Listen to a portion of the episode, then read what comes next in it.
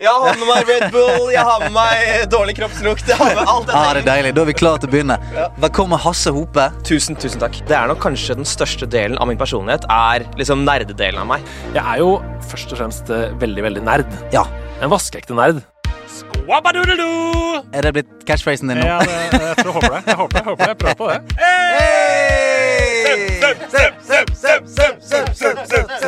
Ok, hei, Hei, hei. hei. Som jeg pleier å si, squippity-dibbly! En slags liten catchphrase der, altså. Ønsk hjertelig velkommen Ida Horpestad! Hello! Powerslida rett inn, banka ikke på engang. Bare braste gjennom Det er, veggen. ingen, det er ingen dører som er lukka for meg. vet du. Hvem er jeg? Eh, jeg heter Ida Dorthea Horpstad. eh, er gitarist og vokalist i bandet Blomst og The Ida. Eh, nå har jeg uh, en PlayStation 4 og en PlayStation 4 Pro. Altså, jeg har en på soverommet og en på i stua. Oi. Eh, ja. Ja, ja. Og det heter Cluedo, forresten. Hvorfor kaller vi det Cluedo i Norge? Jævlig irriterende. Vi kaller det Ludo. Og så er det et ordspill på Ludo. Ludo, Cluedo. Er det det? Ja, Jeg har så lyst på deg nå, Andreas, at det er helt krise. Vi, jeg, husker, vi, jeg husker veldig godt den dagen mamma og pappa tok oss med for å kjøpe PlayStation 1.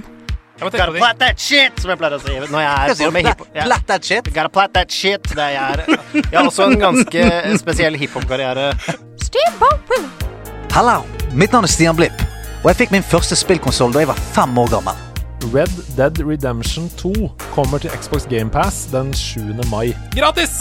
Oi, Xbox Game Pass. Et skikkelig møkkaspill. Syns du? Switch er for tung. Jeg blir sliten og har ikke lyst til å spille det over lengre perioder på nåt. Jeg blir sliten av å høre om dette. Ja. Det er for tungt å holde switchen over hodet når jeg ligger paddeflat i sengen. At ikke du kan holde den sånn over hodet ditt når du spiller. Sett den nå opp, da, for faen. Og så kan, du velge, kan du velge hvor lang penis du vil ha. Så jeg valgte en sånn som gikk ned på knærne, sånn når du løper. Fordi du er naken i begynnelsen. Så løper du. Jeg er tolv år. Hvorfor er jeg tolv år gammel? Det er så dumt. Var det som skjedde nå? Arre. Hva? Kjente du det? Om jeg kjente det? Ja. Faen, det, ja, faen, kjøttet går, ass! Det der var jo Kjøttet går. Kjøtt, det var jo helt sjukt! Jeg følte Yoshi ga meg 100 liv nå, Å, liksom. herregud!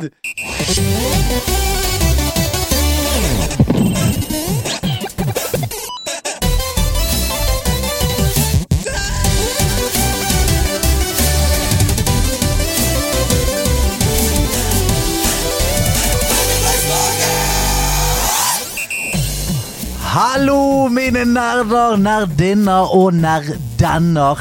Vi hadde en tanke om én episode. Vi hadde en drøm om ti. Vi ble utfordret på 100. Og nå sitter vi her kvikkere, eh, stiligere og eh, har mer energi i alle bauger og kanter på episode 200, mine damer og herrer. Liten applaus rundt omkring her. Liten applaus, liten applaus for oss sjøl. Til venstre, mannen eh, som jeg møtte i et bitte lite møterom for 200 episoder siden. Eh, og siden så har vi eh, på en måte eh, Hjernen våre har klint siden, eh, kan vi si. Andreas Hedemann. Let's get ready to podcast!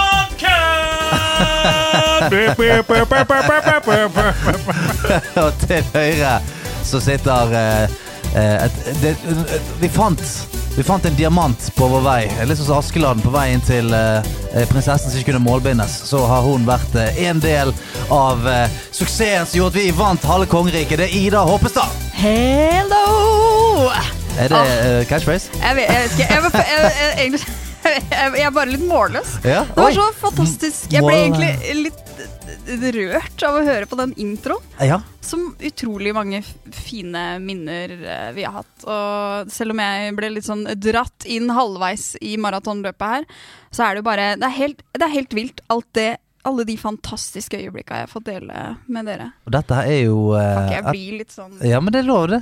Det er bare ta til dem. Ta til dem. Ja. Ta, to- ta til tårene. Det er dagen for deg i dag. Det er dagen for det. Du sitter i full dress. Selvfølgelig. Dette, eh, altså Lytterne ser jo ikke dette. Nei, men Du er så pen. Vi er to Vi er dratt inn av katta. Ja, vi er det. Du er eh, veldig eh, pen. Du er katten. The Ja. cat. The cool cat. For jeg tenkte jo, da jeg våknet i morges, så tenkte jeg dette er dagen. I dag er det en stor dag. Eh, og min kone også sa husk det er en stor dag i dag. Pyntet oss, hele familien. Det valgdag! Ja ja, men det er ikke så jævlig. Eh, det er episode 200-dagen. Ja. Det er det jeg har fortalt til mine unger. Det er derfor det er såpass mye styr i Norge i dag. Så i dag så gikk vi ut, alle var pyntet, og, eh, og det er av denne anledning. Men dere, Jeg nå kan har love jeg allerede nå, på episode 300 I'm gonna blow your mind. Skal det. Ok, Ja, det er bare glede seg. hansken er kastet. Den hvite Askepott-hansken er Det kastet. er bare å glede seg. Det kommer til å bli sånn Met-galla til slutt. Åh, ja! Men folk kommer i, i Oi, du kan komme i kjøttkjol til uh, Lady Gaga. Kjøttet går. Kjøttkjol til Lady Gaga. Ja, det er bare å begynne å spare. Wow. Jeg tror kanskje dere skal la være å sette de der tankene Ja, jeg er oppvokst på gård, vet du. Ja, oi! Oi! Jaså. Ja, nære på slakt. Bacon. Nei, men dere, eh, jeg fikk en idé. Hva med at vi nå, denne uka På onsdag er det jo på en måte lanseringsdag for denne episode 200. Mm. Hva med at vi flagger, da? Med nerdelandslaget-flagget? Ja, alle, alle spillere på laget, flagg med flagget dere har. Hva er nerdelandslagsflagget for deg? Det kan være hva som helst. Det kan være en e-sportsdrakt. Det kan være The Sims-coveret. Du kan ta det opp i flaggstangen Men selvfølgelig, eh, der har vi neste, neste ting vi skal lage det. Ja. Vi skal ha flagget. Norsk Flaggfabrikk, hvis dere hører på. Vi kommer til å ta kontakt etter denne. Det kommer til å gjøre. Det er bare å gjøre klar. Har dere det bra, alle sammen, eller? Ja. Veldig. Fantastisk. Veldig, veldig. Tusen takk til Laddemann som sendte inn Let's get ready to podcast! Jeg syns det var gøy. Ja, men Det siste der, var det mer der? Nei. Rup, rup, rup, rup, rup, rup, rup. Det hadde vært jævla gøy hvis han presiserte det. Jeg fant det på selv. Ja, ok. Men vi har en eh, lang sending. Vi har satt av to og en halv time, Oh, i motsetning til de to timene vi har til vanlig, for det er jo en jubileumssending! Det det. Så jeg tror vi bare vi må komme i gang. Og vi har jo en trofast venn på laget som har vært der i hele 2023, Ja. som kommer til å være der helt til vi skriver 2024, og kanskje lenger også. Vi får se. Og det er jo selvfølgelig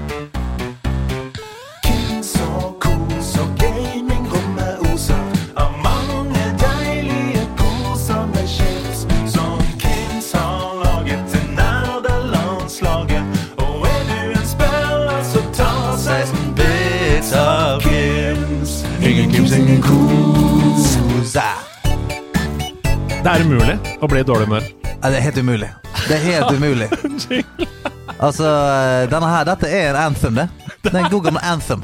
Anthem! En anthem. Det er nydelig. Dere vet jo det eh, allerede. September er den store Kims-måneden i nederlandslaget. De heier jo trofast på oss. Det har de gjort hele året. Eh, er en helt suveren partner eh, for oss. Vi dytter jo i oss potetgull hele gjengen Oh, yeah. eh, hele tiden. Vi har nettopp fått ny ladning med potis. Yes. Så, hva, hva var det dere bestilte denne gangen? Det var nesten litt sånn Jeg var både stolt og flaut da jeg hadde litt sånn eh, besøk på hjemmekontoret eh, av en kollega. Eh, og så var bare sånn Jeg tror kanskje at jeg nå får Det kommer en lastebil og, Med og chips. Ja. med, med chips Ja. til meg. det var spørsmål. ja, for jeg er lei av å kjøpe én og én chips. ja, Nå går jeg 50-50. ja. Det er en full dåse. Uh, Full dåse? Nei, jeg vet. Full dåse med chips? Gud bedre meg. Jeg bare rifler litt, jeg nå. Å, Du bare rifler i gang. Eh, hva med deg? Hva var, det du, ja, men hva var det du bestilte? da? Uh, pepper punch. Pepper punch. Mm. Hva var det du bestilte? Du er i klassisk til verks, Mm. uh, og det er jeg veldig glad for. Mm. Jeg gikk for den, uh, den salte. Oh, den er god. Ja. Salt crunch. God gammeldags Men- salt crunch. Heter den bare salt? Den heter salt crunch, tror jeg. Ja, Mm. men den, den eh, passer jo på en måte ikke helt inn med det derre kung fu-temaet med pepper punch og paprika kick. Mm. Ja, men salt crunch At Ja, du er cruncher jo faen meg dette er jo, Det jo Pokémon moves! Ja, det er det. Ja. Oh, det Crunch. er det! Dark, Du tenker på dark move crunch? Mhm. Mhm. Du, er, du er så sterk i dag. Du er så påskrudd. Jeg er påskrudd. Det er der du skal være. Helskrudd. Helt skrudd. Men eh, det Jeg skal bare, bare få fullføre det. Den Jeg har glemt hvor digg det er å Dette høres jo Ikke ta dette ut av kontekst, men suge dritten ut av eh, de saltchipsene. Mm. Mm. Altså til, til de bare forsvinner mellom tærne Ja. Ja. Jeg er helt enig. Det For er, det kan, gjøre- kan være så crunchy det vil, men jeg, jeg kommer til å suge det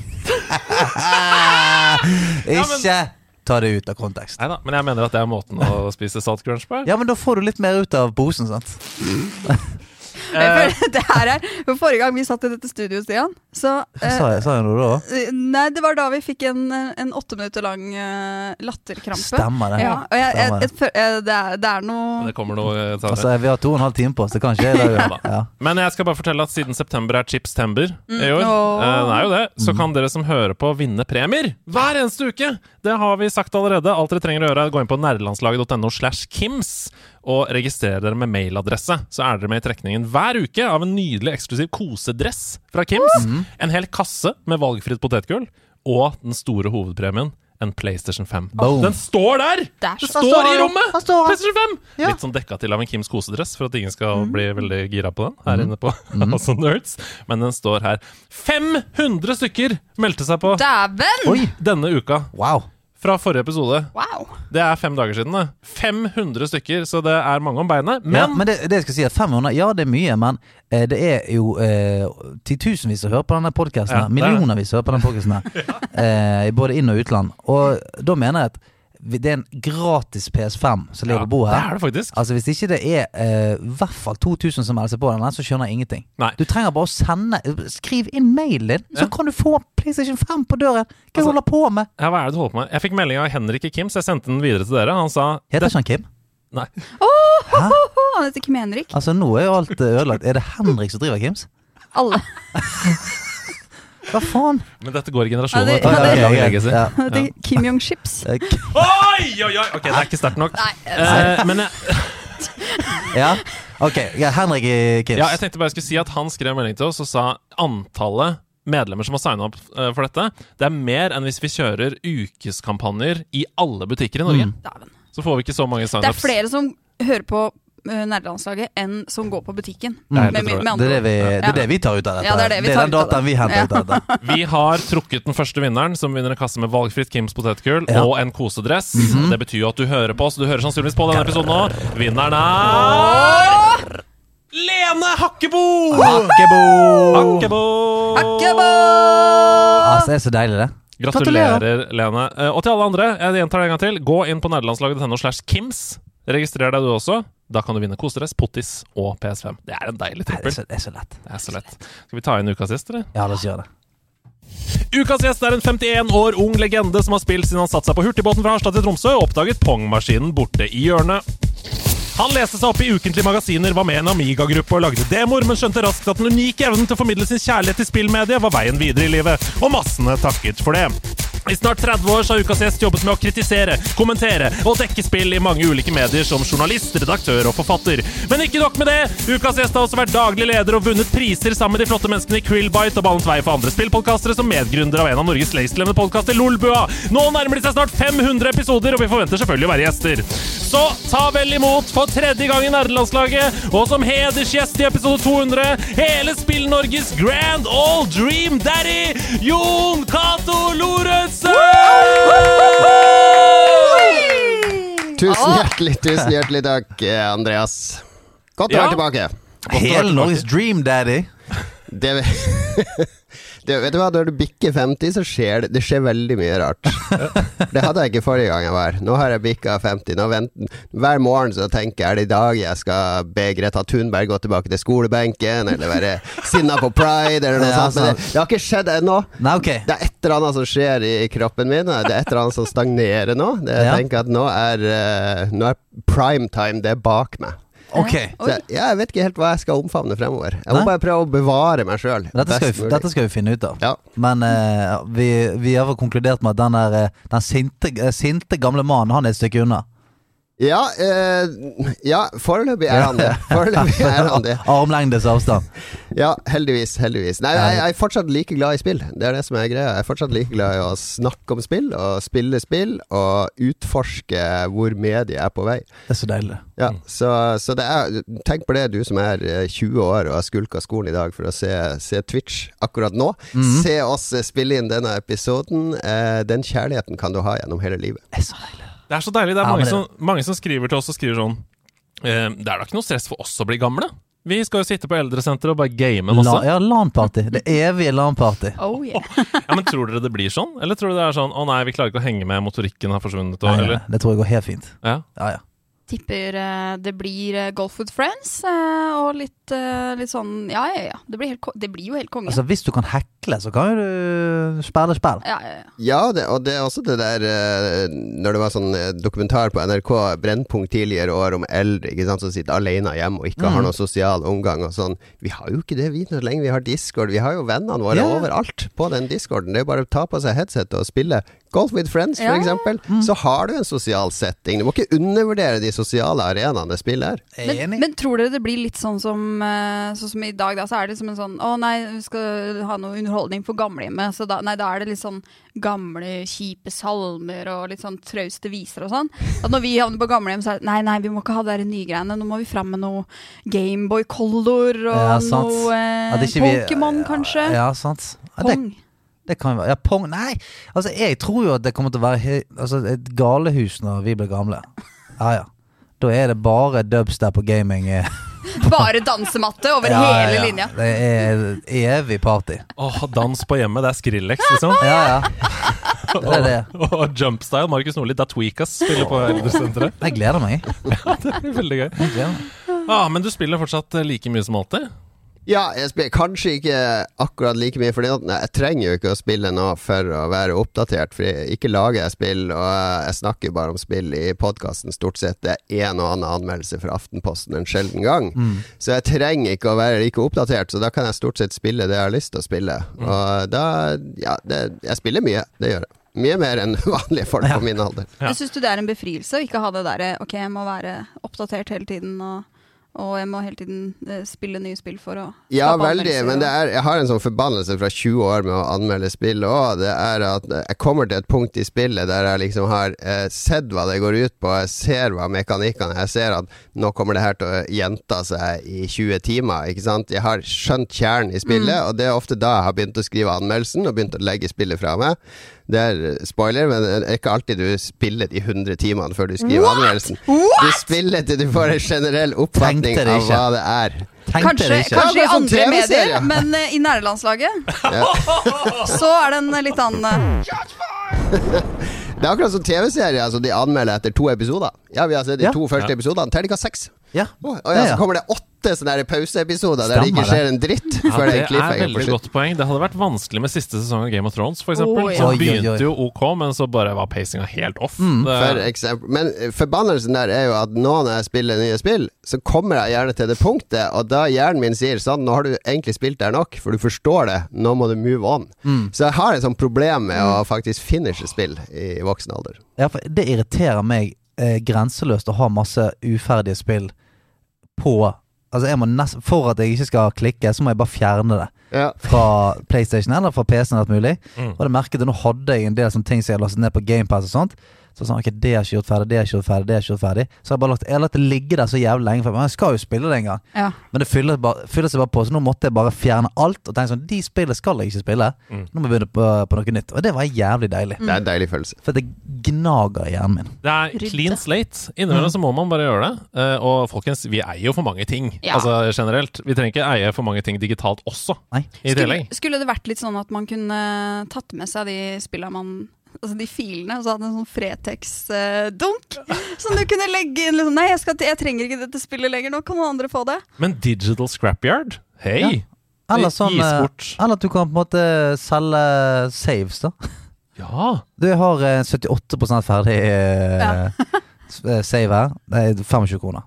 For. Men akkurat sånn digital scrapyard, det tror jeg faktisk er noe som EU driver og jobber med. I Ja. og med at uh, når du kjøper spill på Steam eller PlayStation, så kjøper du bare en lisens for ja, å få det. lov til å ha tilgang til det spillet, og det er jo ikke Kan si mye rart om EU, men EU er på ballen når det gjelder digital lovgivning og beskytter våre rettigheter som forbrukere. Mm. Så de prøver å få til det der og tvinge Steam og andre til å si dette er spillerne sin eiendom. Og hvis, hvis Andreas Hedemann vil selge dette spillet som han spilte 50 til noen andre, så skal han ha muligheten til det. For Ja. Det har vi ikke i dag. Nei. Da kan ny eier kun spille de resterende 50 Akkurat som et brukt Du får ikke en ny sko når du har Men kjøpt eller å bare gi det vekk. Ja. For sånn, jeg Hvis du har en kompis som er sånn Da faen, jeg har dritt ut å spille Mass Effect. Du, jeg har det. Jeg trenger ikke det lenger.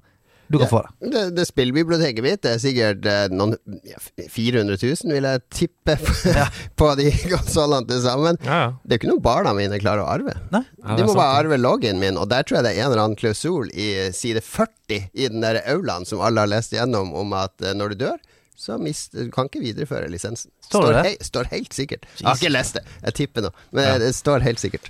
Fordi dette har vi diskutert litt i det siste, at uh, fra før i, da spill var mest fysisk, så eide vi det jo. Uh, vi eide en fysisk ting som vi kunne gi videre uh, til noen andre. Og Nintendo har jo også vært veldig tydelig på det. Den der, geniale videoen med Reggie som gir Og på våre konsoller så er det veldig lett å, å låne spill, så bare sitter de fysisk i samme rom, han og Miyamoto, og så bare gir han spillet til Miyamoto.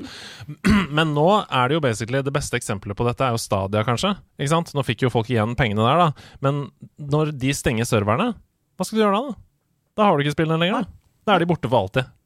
Uh, så nå leier vi jo bare Det står 'kjøp spill', men vi leier det jo egentlig bare uh, til utgiveren bestemmer at nei, nå får du ikke det lenger. Det er, du, du, du kjøper deg bare inngang på en uh, nattklubb, Mm. og så stenger det på et eller annet Klokka blir halv fire.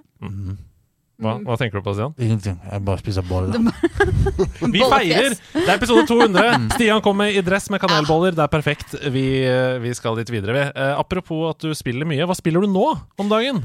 Akkurat nå så går det mest i Starfield og ja. noe som heter iRacing. Som er Jeg, jeg har midtlivskrisa mi. Akkurat det siste året har jeg vært å bygge en sånn her eh, kjøresimulator-rigg. Som jeg har brukt uh, altfor mye penger på uh, for, for å få bra ratt og alt mulig. Er det verdt det? Uh, jeg har For, aldri for jeg er ikke, jeg er jo ikke bilinteressert i det hele tatt. Og, eh, og, men jeg syns det er kjedelig å kjøre med håndkontroller. Ikke sant? Fordi det Ja. føles ikke som å kjøre bil, og du får ikke den taktile feedbacken. Men- og så er jeg veldig glad i Formel 1, av en eller annen grunn. Det har alltid vært. Og så kjøpte jeg det egentlig for å kjøpe, kjøre Formel 1, en sånn billig en, og så ble det bare balla på seg. Fordi iRacing, det er liksom Det er kremen av Det er online-racer. Det er liksom klokka åtte i kveld, så er det 200 stykk fra hele verden som Ah, går inn og skal kjøre på den banen med de bilene. Og så blir du sida sammen med andre, og så er man 15 stykk.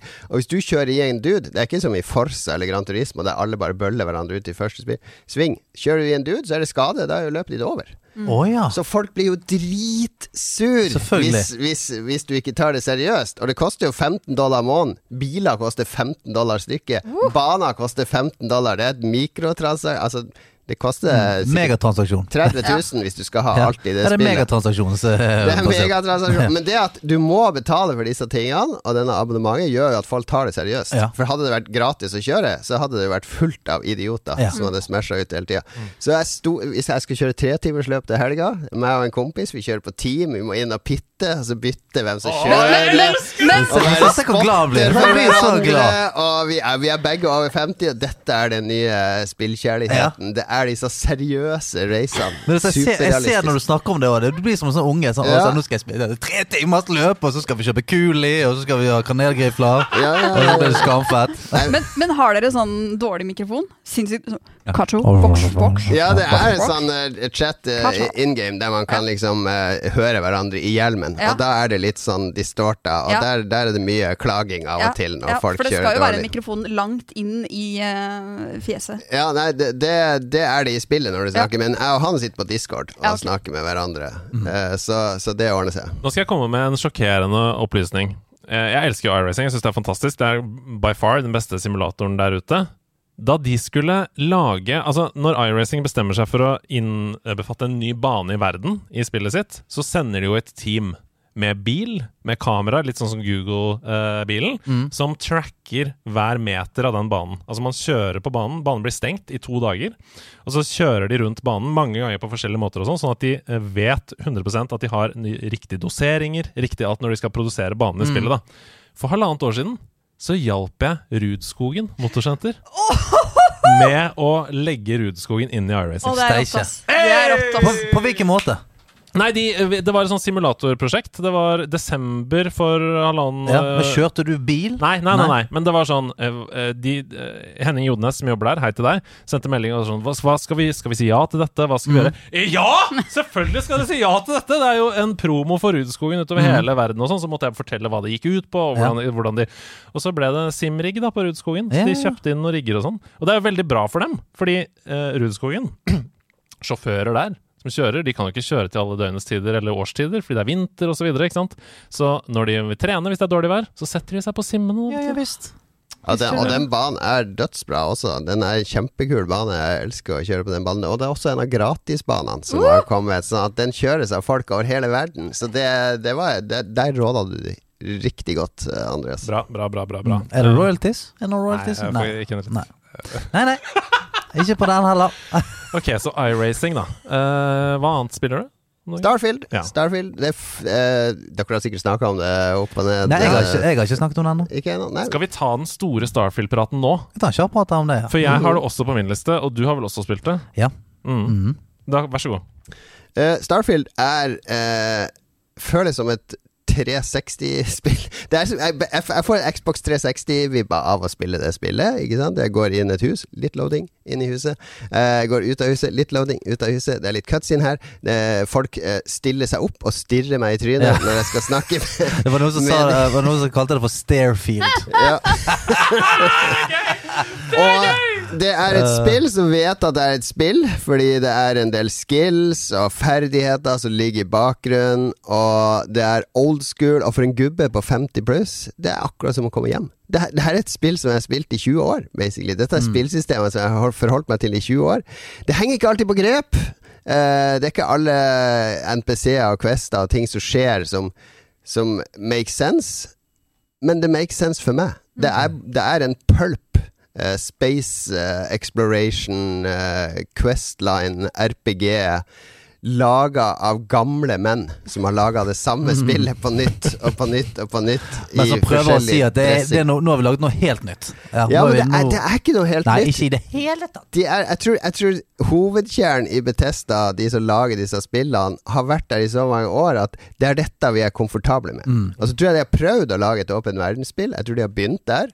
Og så har du sett å fuck, å dette er vanskelig. Å nei, vi må få, her må vi få ny kompetanse for å klare å strømlinjeforme det å dra fra verdensrommet ned til planeten, ned til byen. Det er dritvanskelig. Altså det, det er så teknisk komplisert, det de gjør i No Man's Sky eller Elite og sånne ting. At det å gjøre det et åpen verden RPG det tror jeg bare skjønte ganske tidlig. Her må vi skalere tilbake. Lage masse bitte små kart, og store kart. Og så bare koble det sammen til en sånn enorm Jeg tror det, Hvis du skal ha hele kartet til, til Starfield på en vegg, så blir det sånn konspirasjonsteorigreier med tråder imellom. Mm. Kan reise fra hit til hit, hit, hit, hit, inn dit, videre. Så, men jeg koser meg. Det, Ja. det, det er begrenset det, det er et syv av ti-spill som jeg elsker. Ja, Ja. ja men Ja. Det, det mener jeg er helt uh, innafor det. Mm. Men eh, sånne ting som dette har egentlig aldri vært noe interessant for deg, Ida? Eller altså sånne store eh, immersive rollespillopplevelser, eller? Eh, nei, jeg har ikke spilt det så mye. Eh, det er ikke der jeg er eh, foreløpig mest hjemme. Men Nei. jeg skal absolutt gi det en sjanse. Ja. 100% Og det kan godt hende at jeg kommer til å elske det. Ja, Men- Verdensrommet er litt sånn hit or miss for noen. Ja. Fordi det er ofte litt goldt og svart-hvitt eller lite farger og sånn. Hvordan er det for deg, verdensrommet? Jeg tror det, verdensrommet er greit. Det kommer liksom helt an på om åssen jeg syns det er å bevege meg i Om jeg er komfortabel med måten jeg beveger meg i uh, materien, og om jeg blir kvalm eller ei. Ja. Der hvor jeg hører folk snakke om Starfield, så føler jeg at grensa eller skillelinjene går ved de som har greid å få immersion, altså de som har blitt veldig innlevd i spillet og bare føler at de lever i den verden og er helt sånn Og de som ikke greier det, og holder seg ute. Og der er vel du litt. Ja, for eh, jeg tror du helt Altså, jeg tror du er helt avhengig av immersion, siden det er så mange andre bestanddeler som Som ikke er bra, syns jeg. Eh, og jeg spilte det i syv timer og 45 minutter uten å kjenne på noe som helst form for immersion. Eh, kun irritasjon, egentlig. Jeg spilte det på PC. Hadde, var borti en del bugs. Var en autosave som bugget seg. Måtte liksom starte, begynne litt på, tilbake igjen. Eh, og ikke minst det at jeg er veldig, veldig glad Altså jeg er jo veldig glad i actionbaserte FPS-spill. Eh, så jeg er jo veldig glad i denne skytefølelsen, eh, bevegelsen og sånt. Og den syns jeg er helt jævlig på, i Starfield. Jeg syns alle våpen nesten føles clunky. Og altså, Det virker nesten som at du det er ikke meningen at du skal løse alt dette med skyting. Føler jeg. For det er noen spill du spiller der det er sånn Grunnen til at skytingen er dårlig, er for at du bør egentlig snike deg her. Eller du bør gjøre noe annet. Mm, mm. Og sånn føler jeg liksom, De fleste våpnene er litt sånn clunky. Eh, og det føles ikke digg ut. Eh, Syns jeg, i hvert fall. Ja. Eh, og så Du er jo, altså, og dette er jo feinschmeckeri for deg, da. Du er jo, uh, har masse timer i Apex, for eksempel. du, hele Så dette er kun en preferansegreie. Ja, ja. Så det er jo uh, at jeg Grunnen til at jeg sier det, er bare fordi jeg mener at du er veldig kvalifisert til å kunne si noe om det. Det er det jeg grunnen til å si. Ja, eller, eller på en måte Eller ikke. På en måte. Okay. Så jeg mener at jeg, jeg er jo veldig, veldig glad i skytespill generelt. Sånn at jeg er jo kanskje litt mer snobbete på det enn Ja. veldig mange andre. Og så syns jo jeg òg at eh, jeg kan på en måte like det at du blir bare sluppet ned der, og så er det ingenting som blir fortalt deg. Altså Alt må du på en måte bare snuble litt over. Alt fra modde våpen til hvordan du fikser skip til alt mulig greier. Og det syns jeg òg er litt sånn irriterende, for det at du kommer ned der, så syns jeg ikke den main storyen, i hvert fall de første timene, er noe engaging. Det er litt sånn Du, går der, hent den. Veldig bra. Hent en til. Konge. Kan du hente en til, eller? Ja, det kan jeg gjøre. Eh, og så må du på en måte snuble litt inn i disse gøye tingene. Og jeg har hatt et par gøye quests som jeg tenkte sånn Faen, nå uh, Dette kan jeg like. Og så gikk jeg for en sånn um, Jeg gikk for en veldig sånn tjuvraddete bild. Altså full uh, rank 4 på Thief og eh, sånn smøgling og bare gikk helt uh, bajas. Og det syns jeg var gøy. Og For da var det et par sånne quests jeg kunne bypasse ved å bare Jeg bare stjeler nøkkel fra han questgiveren istedenfor. Og så kunne jeg gå videre. Og det var sånn Ok, kult. Og der mener jeg spillet skinner, da. Ja, og, og da var jeg sånn Yes! Dette kan være gøy. Men jeg, jeg klarte ikke Altså da når, når jeg skulle måte gå inn på min 7, eh, 7 timer og 30 minutter, så sa jeg til meg sjøl det som man ikke bør si til seg sjøl om man skal spille spill. Ah, Jeg får vel spille litt Starfield, da. Ja, sånn, ja, ja, jeg får bare spille dette spillet her, da. Og da tenkte jeg faen, vet du hva. Det, Nei, vet det, er ikke, det er ikke sikkert at dette her er eh, Nei. my kind of game. Livet er for kort, liksom. Ja, Når du har er gitt det åtte timer og fortsatt ikke er syns det er superbra, det er ikke noe vits, tenker Nei. jeg. Det, det kan ikke være sånn, folkens, at det er sånn Ja, det er utålmodig, du må gi det i hvert fall 20 timer før det blir bra. Nei. Det, sånn kan vi ikke ha det. Nei, også med sånn og, og hvis man har kommet til det punktet, og det plutselig blir bra, så er det helt konge, det. Men jeg eh, For meg så var det sånn Du, jeg kanskje skal Jeg, jeg trenger ikke spille det akkurat nå, i hvert fall. Jeg elsker det jo. Jeg ga det jo 90 av 100 Mm. i nederlandslaget. Uh, kjenner ikke på de samme tingene med våpensystemet, og er nok veldig mye Jeg skyter ganske lite i det spillet. Det er det jeg tenker meg. Ja. Det er det jeg òg tror. jeg, jeg, jeg, jeg har maks persuasion, for eksempel, på min karakter Emilie Elvesand. Mm. Hun eh, snakker seg ut av de aller aller fleste situasjoner. Alle blir forelska i henne. Overalt. De faller som fluer, for hun er umulig å motstå med sin sjarm. Skal jeg for? Jeg går alltid for altså, Første gang Hvis jeg kan velge attack i noe som helst dialog, så velger jeg det alltid. Hvis det er sånn Hello, sir, what are you doing here? Hvis jeg kan attacke der, hvis jeg bare kan gå rett i strupen på dem, så gjør jeg det. Men det er sånn, eh, min karakter Emilie Hun er combat medic, så det står sånn Du er ikke redd for en fight, men du er veldig glad i vennene dine. Det, og, så, og så står det også Og så har jeg valgt selvfølgelig tra trait empath. Hun, Selvfølgelig. Hun, hun sympatiserer med alt og alle. Åh, dyr og trær og Nei, jeg, jeg elsker det. Jeg har spilt det i 50 timer nå. Uh, mer enn det, tror jeg òg. Mm. Og jeg kommer til å starte en ny save med en annen type karakter. For jeg har lyst til å kjenne på det. da Hvordan jeg spiller hvis jeg bare er guns blazing, Mm. Duke Nukem, for eksempel. Mm. Så ja, jeg elsker det. Altså. Ja. Er det noe annet du har på lista di, eller skal vi gå videre? Uh, nei, det er det. Altså, det, det er, jeg- jeg liker at det er litt sånn Marmite-spill, ikke sant. At, uh, at du kan jeg, jeg kjenner folk som begynte å spille det, ikke sant. Og så begynte de å De skal lute alt. Å herregud, det er verdt fem kroner. Tre kroner Mm. Ja, her. Ti kroner her. Det blir masse En penger. globus er Og så går- 240. Ja, så går det ti, ti minutter, så bare Hva faen? Jeg blir jo sliten hele tida. Ja, ja. Altså, hva faen, det er ikke noe plass på skipet mitt. Altså, jeg, jeg kan ikke lute alt. Da gidder jeg ikke å spille det, rett og slett. Jeg brukte de, den altså, første halvannen timen brukte på det drittet der. Jeg bare sånn Hvorfor bygger denne jævla CO2 denne, denne CO2-en seg opp hele tiden?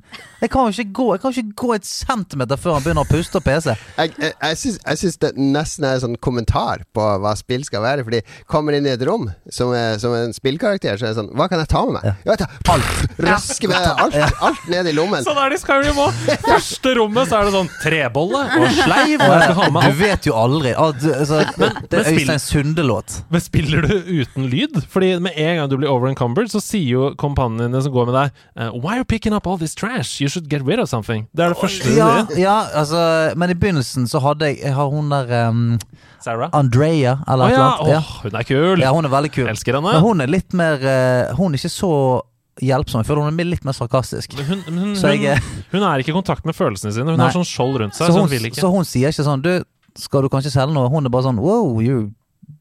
yeah, really picking things up. Så sier jeg ja, hvis faen gjør det. Men jeg, jeg, jeg tenker det, det, det er mange som er i båten til Stian og som har bonesa litt av det spillet. Ikke sant? Fordi det var ikke helt uh, Det var ikke det jeg var ute etter. Jeg vil ha bedre skyting. Jeg vil ha Jeg liker å lute. Jeg skjønner ikke jeg, Alle sånne ting. Og jeg tror curen for det, hvis du har lyst til å gå tilbake til det Og det er ingenting galt med å bare bonse videre og spille noe helt annet, men hvis du har lyst, hvis du er litt sånn frustrert, jeg har lyst til å komme inn i Starfield, så tror jeg kuren er bare å senke skuldrene og ikke stresse med alt mulig som du tror jeg tror du må gjøre. Ikke stresse med at det er verdens mest kryptiske prosjekt å prøve å bygge romskip. Eller hvor, hvorfor skal jeg bygge disse basene? Jeg skjønner fortsatt ikke hvorfor jeg skal bygge Nei. de basene. Jeg har prøvd å bygge en base. Ok, den basen får være der med de to folkene i, og så går jeg og gjør noe annet. Bare senk skuldrene, og så bare fly et sted, og så skjer det ting, og så følger du de questene, fordi questene er veldig kule. Ja, det er det. Er sykt kule quester. Masse NPC-er du møter, masse morsomme situasjoner. Det har den derre fallout-snerten i humoren. av Veldig bra det har de. Det har de, uten tvil. Så jeg, jeg, skal, jeg skal gå tilbake til det. Nå er jeg eh, altså, Kone og unger drar til eh, Syden om fire dager. Da skal jeg plukke det opp. For da er jeg faen meg aleine en uke Ja. i, i verdensrommet. Det vil føles som å være i verdensrommet. Er Helt stille. Skuldrene nede. Ta av sikkerhetsbeltet. Du trenger ikke å ha på sikkerhet Ta av sikkerhetsbeltet. Å. Fly rundt med skuldrene nede. Altså se om du bare kan nyte det. Ja, bare, la, bare gi meg sjøl hen til uh, The Gravity. Ja. Jeg spilte 40 timer før jeg skjønte lock-on-systemet i romfighten. Nei. Jo. Skjønner du? Ja, ja. Sånn er det spillet. Men du får det- jo ingen ja, får ikke nei, hjelp til det noe. Og sånn er du òg, for du, du er ikke så interessert i den skytingen. At det er sånn, etter 40 timer så bare Du, faen, du kan skyte de der andre skipene, jo. Jeg har bare vinket. 'Hallo!' Ja, call, call. Ja, ja. vi være venner? ja hallo! Hallo, kan vi være venner? det er ikke meg, det er Emilie. Uh, Ida, hva spiller du om dagen? Du, um, jeg har jo spilt uh, Tiny Witch, som det kommer Ja. en anmeldelse av etterpå. Det skal vi få senere. Så jeg skal ikke si så mye om det. Mm -hmm. um, men jeg har oppdaga Jeg er jo fortsatt på dette couch coop-kjøret, jeg. Mhm. Selvfølgelig, som alltid. Jeg er her for å gi dere lyttere de beste Yes. couch coop-tipsene. Og nå har jeg kommet over en perle. Oi! Ok. Det er et spill som heter The Past Within. Ja, det skrev du! Du, du sendte Yes. engasjert melding til oss i WhatsApp. Uh, det kom ut i juni eller juli i år, tror jeg. Uh, og er bare altså en helt ny måte, for meg i hvert fall, å spille couch co-op. Ehm, da kan man spille to personer på Man må ha hvert sitt, uh, altså hver sin konsoll, om det er en Switch eller om det er en PC. Det funker. Trenger ikke være kobla sammen for å spille sammen. Nei. Du bare Det er offline, på en måte. Eh, konseptet er at den ene må spille fortiden, og den ene må spille fremtiden. Og så skal man sammen knekke en serie med koder eh, for å skape Mm. progresjon. Så da må man snakke sammen, da. Man må snakke sammen og forklare liksom hva man OK, hva ser du? Eh, klarer du Og så er det masse puzzles du må løse, og så er det liksom OK, men nå fikk jeg en kode. Ser du et panel med så og så mange knapper? Ja, det gjør jeg. OK, prøv å trykke inn det og det Ja, og bare to sekunder nå. For hvordan, eh, dere er ikke på samme skjerm? Ikke på samme skjerm. Vi ser, det er om å gjøre, du bør jo ikke vise den andre hva du ser, heller. Nei, men det er couch coop, men på eh, hver sin konsoll? Ja, så vi satt, eh, jeg og min samboer satt med hver vår håndholdt Switch. Sånn, ja. Ok, ja, det henger med. Ja, ja, ja. Men han kunne sitte på en PC eller ja, ja kult. ikke noe problem. Kult, kult. Ja. Um, og altså, det var det var bare en utrolig morsom samspilleropplevelse, rett Mm. og slett. For det var så brainy og kult hvordan det fungerte dritbra. Og det var veldig sånn herre Det var jo også ganske frustrerende. Som, men det, det er du som må gi meg en kode nå! Jeg veit at det må være det! Nei, vent da, nå trykka jeg her, nå fikk jeg jo en nøkkel! altså, jeg er sånn der, ah! Ok, vent litt. Eh, og en kul uh, Eller historien er helt eh, ok. Handler om en, en død sjel som ønsker å bli sendt til framtiden. Selvfølgelig. Så man må samarbeide. En død sjel som framtiden. en, en, ja, eller en død person Ja. uh, som ønsker å bli reinkarnert Ja, Ja, sånn, i ja. fremtiden, og har da bygd en maskin for å få til det. Så da må man samarbeide om å sende, uh, sende noe frem. Mekanikken minner meg om mitt uh, definitivt favoritt-VR-spill, nemlig Keep Talking. Yes. Explodes. Ja. Mm. Og det er uh, Jeg er helt enig. Uh, og så elsker jo Keep Talking, men det her er Det er bedre. Mye Oi! bedre. Ja, ja, ja, ja. Mye, Kult. mye morsommere. The past within. The Past Within. Past within. Past Within. Wow, Ja. det, må, det skal jeg sjekke ut. ass. Koster Eh, typ, eh, det koster sånn 60 spenn. Oi. Eh, Wow. Begge må eie det, da. Man må eie det hver for seg. Eh, men det er jo ingen eh, dyr opplevelse. Det tar sikkert et par timer å, å spille gjennom. Gøy. Det ser Gøy, helt gøy. kul ut. Så hot, hot, hot tips. Hot tip. Noe annet du har spilt siden sist? Eller? Mere Trenger litt ikke å være sånn mer, altså. eh, gamle klassikere. Og Ja. eh, litt eh, forberedelse til i dag, vet du. Ja, det blir spennende. Det skal vi snakke om etterpå. Jeg uh, har spilt uh, ganske mye et spill som heter Sea of Stars. Ja! Som er Altså, du snakker jo om at det er veldig deilig å spille noe som andre gamle menn har laget. Her er jo sånn Jeg har jo spilt Altså, jeg har jo elsket Final Fantasy for eksempel siden altså 3-4 eh, på Super Nintendo. Og den stilen der, altså alt fra kronotrigger og alt mulig. Eh, så kommer dette spillet her. Som bare er alle de beste elementene fra alle de spillene eh, Mm, puttet mm. inn i eh, en liten tribute, føler jeg. Det er skamfin uh, pixelgrafikk. Det er nydelig musikk. Uh, jeg tror han som har laget musikken, har laget mye av musikken til Krono Trigger også, tror jeg. Mulig jeg driter meg ut her. Eh, det. ja, Hæ? er det riktig? Ja. Mm. Og så er det nok gøye ting i combaten til at det er, til at det er spennende. Og så er Det, det er ganske interaktiv combat. Det er litt, det er litt sånn i Mario-RPG-spillene, der du skal trykke når du treffer. Og, timing ja. på både gans, Helt liksom i eh, Mario RPG. eh, Timing på eh, angrepene dine gjør bonus, og timer du blokk, så mitigerer du selvfølgelig eh, damage. Og så alle skillsene har kanskje en slags sånn mini-minigame i seg. Altså Den ene karakteren har en sånn bumerang, sånn at hver gang den bouncer av en, så kan du time den når han kommer tilbake, og slå han videre. Og det kan du gjøre sånn 25 ganger. Hvis du klarer det, så får du mer damage? Da, ja, ja, så du kan ding, ding, ding, ding, ding, ding, ding, Står det bare fyker rundt. Og, For et genialt belønningssystem! Veldig gøy. Og bossfightsene er, er også veldig gøy. Og det er liksom denne lille timing-greien også gjør det spennende. For noen bosser gjør f.eks. et angrep som på en måte én, to, tre, fire. Så må du på en måte lære det etter hvert. Nå kommer det. Da må du liksom time, time, time, time for ikke bli one-shotted f.eks. Mm. Um, og så syns jeg at karakterene er Altså, de har et par sånne karakterer. For du, med første øyekast så tenker du dette her er et veldig sånn seriøst spill med en veldig episk journey. Men så kommer noen karakterer inn av og til som løser litt opp på det. Det er for eksempel en sånn eh, piratdame som er veldig sånn meta.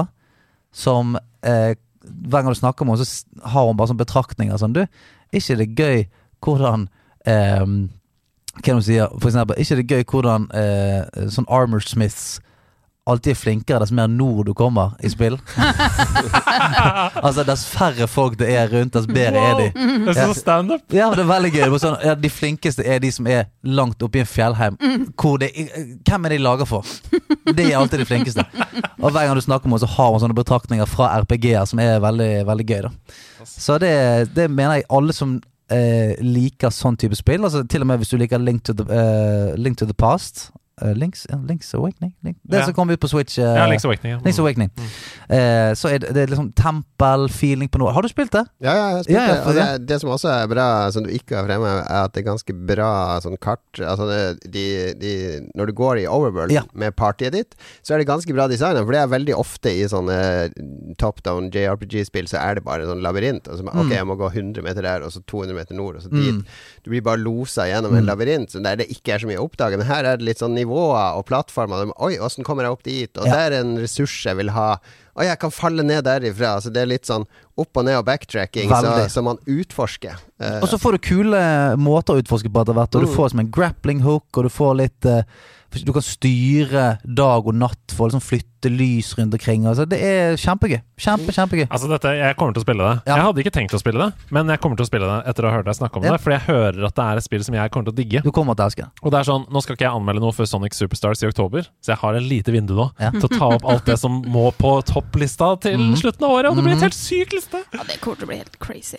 Og det er jo også et spill Altså De som lagde det spillet, jeg husker ikke hva de het nå, men uh, de lagde jo et spill som heter The Messenger. Som er Å, det er så bra! Ikke sant? Det, og det er litt i samme ånd, for det er, eh, det er den der metahumoren, Mm. det der eh, Ja. self-awareness med at dette er et spill, og vi spiller på spillet sine styrker. Så Messenger er absolutt verdt å spille òg, hvis du ikke Mm. har testa det. Kult. Skal vi, skal vi spoile den store twisten, eller? I The Messenger? Nei. Ehm, Jeg har ikke spilt det. nei Det er fortsatt mange som ikke har spilt det, Ja, så nei, kan ja. la den Men ta ligge spill litt. det, La den ligge Eh, litt. spill det. Det, det, som, jeg, det som jeg, kan si, det er at de gjør noe veldig genialt og intuitivt med selve spillmediet Mm. i det spillet.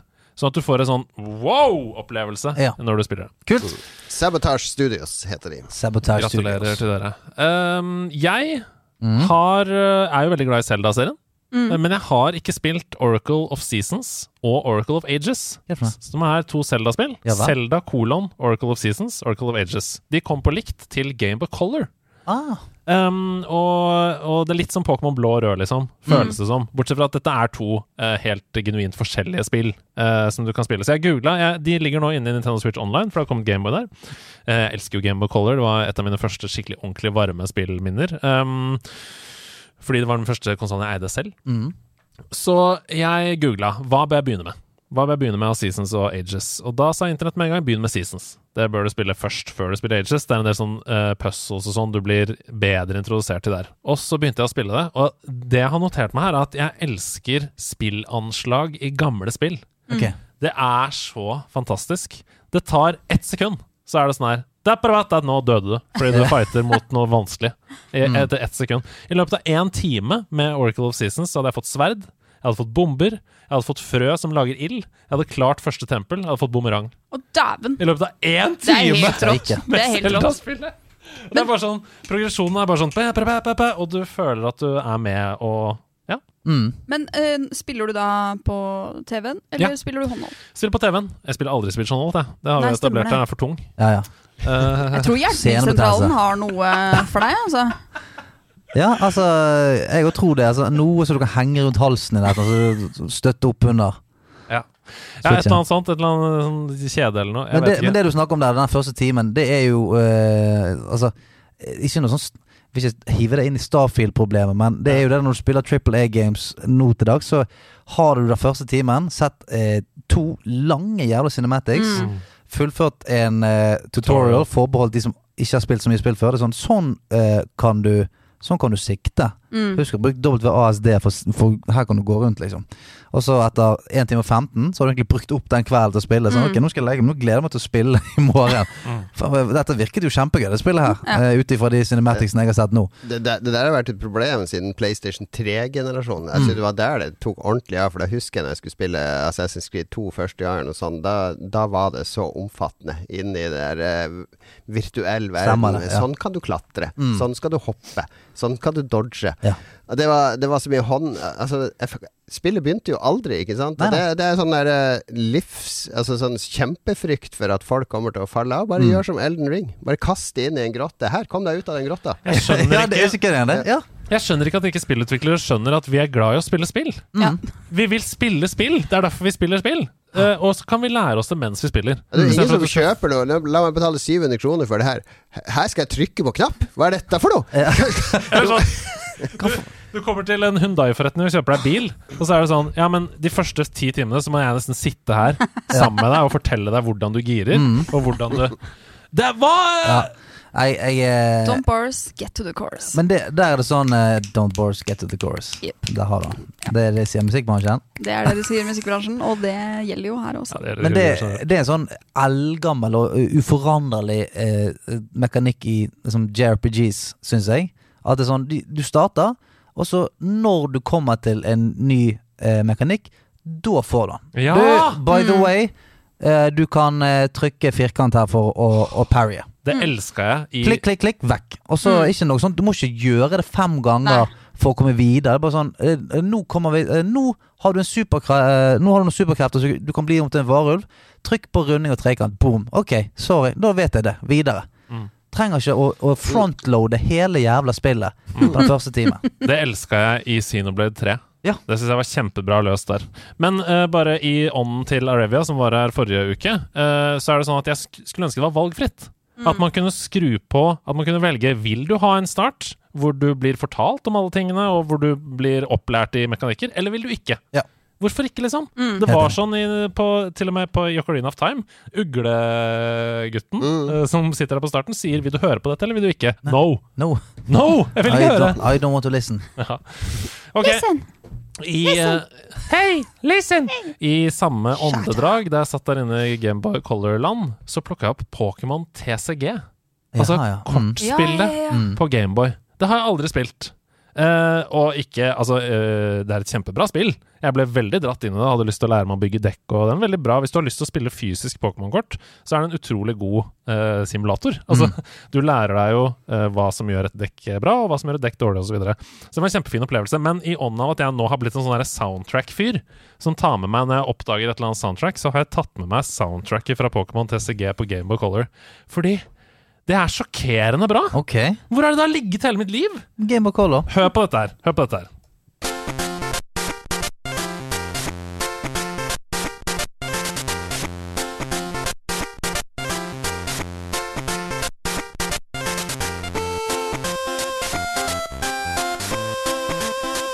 Ah, ah.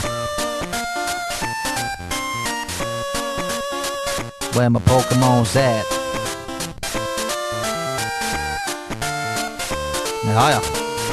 Det koser faen, det. Og greia er at dette her Det spilles i Vi må bare høre den moll-overgangen her nå. Bare hør nå.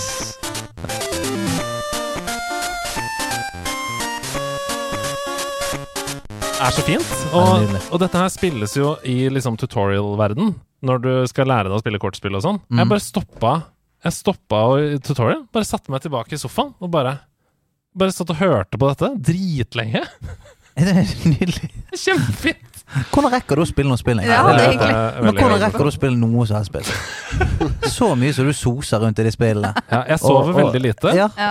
og så har jeg få fritidsaktiviteter. Ja, du, du spiller mer spill enn alle oss. Men har også tid til å sånn, ligge nede på sofaen og høre halvtimen halvtime på soundtracket på fucking Gameboy Color og TCG. Skjønner det ikke. Nei, jeg vet ikke. Eh, jeg, vi bruker veldig lite tid på middag. Men, Selda uh, Zelda Oracle og sånn, li, liker du de? De var litt kontroversielle da de kom, for de er jo laga av Capcom. Det Ja. var jo liksom første gang, bortsett fra CDI, Zelda, som Ja. vi forbigår i stillhet, det var liksom første gang Nintendo leverte kron, kronjuvelene til, eh, til en annen japansk aktør. Nei, av de, av de første to timene jeg har spilt, så opplever jeg det som et skikkelig klassisk Zelda-spill. Dungeons, du må finne uh, ting for å låse opp den dungeon når du kommer inn. Altså egentlig eh, helt som det du nevnte i stad, på eh, Som kom i remaster. Uh, Krono? Nei, det, Zelda Awakened. Ja, Link's ja, Ja, Link's Awakening. Link's Awakening. Mm. Egentlig helt, Det føles som nesten samme anslag som Link's Awakening. Jeg jobba jo i spillsjappe når de kom. og Jeg husker de der hardcore Nintendo-fansen. De var litt sånn der eh, åh, Litt nervøse, for, eh, for det, dette var jo gullegget. De- Altså, det, var, det, det ble ikke bedre enn Zelda. Altså var det Zelda på Game Ok, det er old school Zelda, det er det beste som er. Men Capcom Ja, hva faen skal de høre på? Men de leverte. Folk var fornøyd. Kjøpte begge to. Spilte begge to.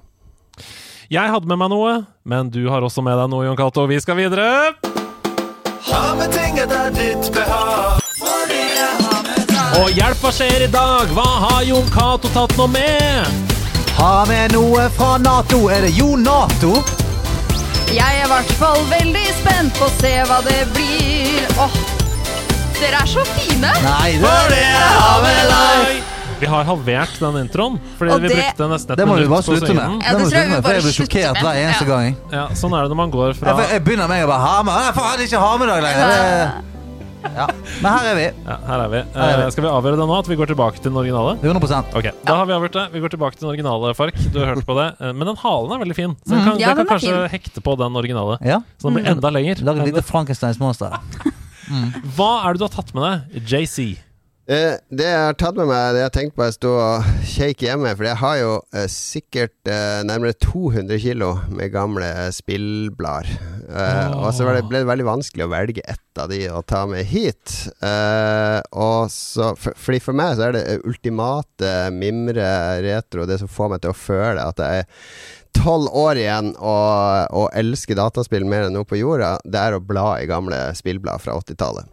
Fordi det var før internett. Det var kun her du kunne finne informasjon om spillene. Og så var det liksom Det var sånne engelske navn og tryner. Julian Rignall, Gary Penn, gjerne med bilder av, som levde av å skrive om spill. Ikke sant? Det var de som ble mine forbilder, og, og grunnen til at jeg valgte, eller endte opp i den karrieren jeg hadde. Men det jeg gjør, fordi vi har jo en, en spalte i min podkast Lolbua der vi skal kåre beste spill gjennom tidene. Og i stedet for å gå gjennom år for år, så går vi gjennom måned for måned. Så vi er i mai 1987 nå. Ja, vi, vi, målet er å få fullført den spalten før jeg dør. For det, det, tar, det er liksom 400 episoder hvis jeg skal gå gjennom en og én måned.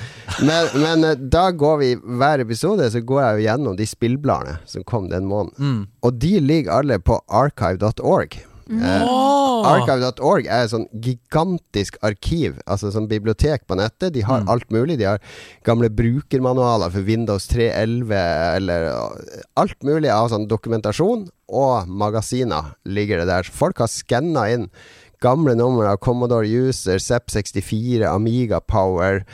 Alle de bladene, for jeg tror alle som er liksom 30 år pluss, har et eller annet en eller annen tid der du har sittet og bladd i et spillblad, og husker når du så reklamen for det spillet. Du kunne sitte en minutt og se på liksom en helsides reklame for et spill, bare coveret, ikke sant, og noen skjermbilder.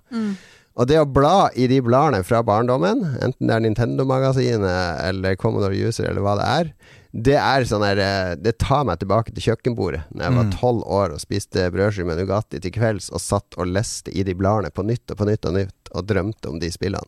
Så archive.org, søk opp noen gamle engelske spillblad du leste når du var liten, eller hadde tilgang til når du var liten. Se om du finner akkurat det nummeret som du leste Gøy. på senga den kvelden når du drømte når du, før bursdagen din, og drømte om hva du skulle få. Det, Wow. det, er, det, det er mektig. Det er mektige greier. Archive.org. Fantastisk at det fins et sånt bibliotek. Ja. Med, der kan man sikkert finne 1-2-3-spill, gamle Du sider. finner, det er også mye digitalt, så hvis du er glad i retrospill, så ligger det helt sykt mange retrospill Som du der. kan Sånn- spille, liksom. Ja, sånn halv, det, det ligger der sånn halvlovlig. Det blir ikke tatt Ja. ned fordi det er for eh, biblioteksformål at det ligger der, men du kan laste det ned og spille, selvfølgelig. Gøy. Men det finnes også demodisker som var på cover. Altså demo-CD-er fra coveret til PC Gamer for masse Ja, år. ja, ja. Så du kan laste ned alle disse. Faen, det var, Og, det var og Altså, det, alt. De prøver å ta vare på alt. Deilig. Mm. Fantastisk ha med i dag, og et veldig godt uh, forbrukervennlig tips. Mhm. Som uh, alle som er glad i nostalgi, kan dykke ned i. Mhm.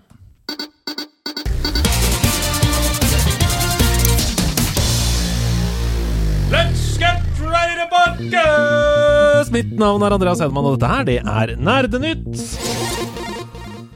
Vi er eh, fire stykker som har mange meninger om eh, spill, så det betyr at vi diskuterer alle sakene, vi. Uh, aller, aller først, er du interessert i lyd og musikk i spill? Hæ? Er du det, du som hører på? Er dere det?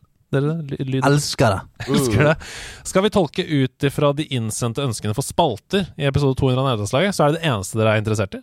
Ja. Bare, bare lyd? ja. Lyd som ikke inkluderer oss. Ja, Altså.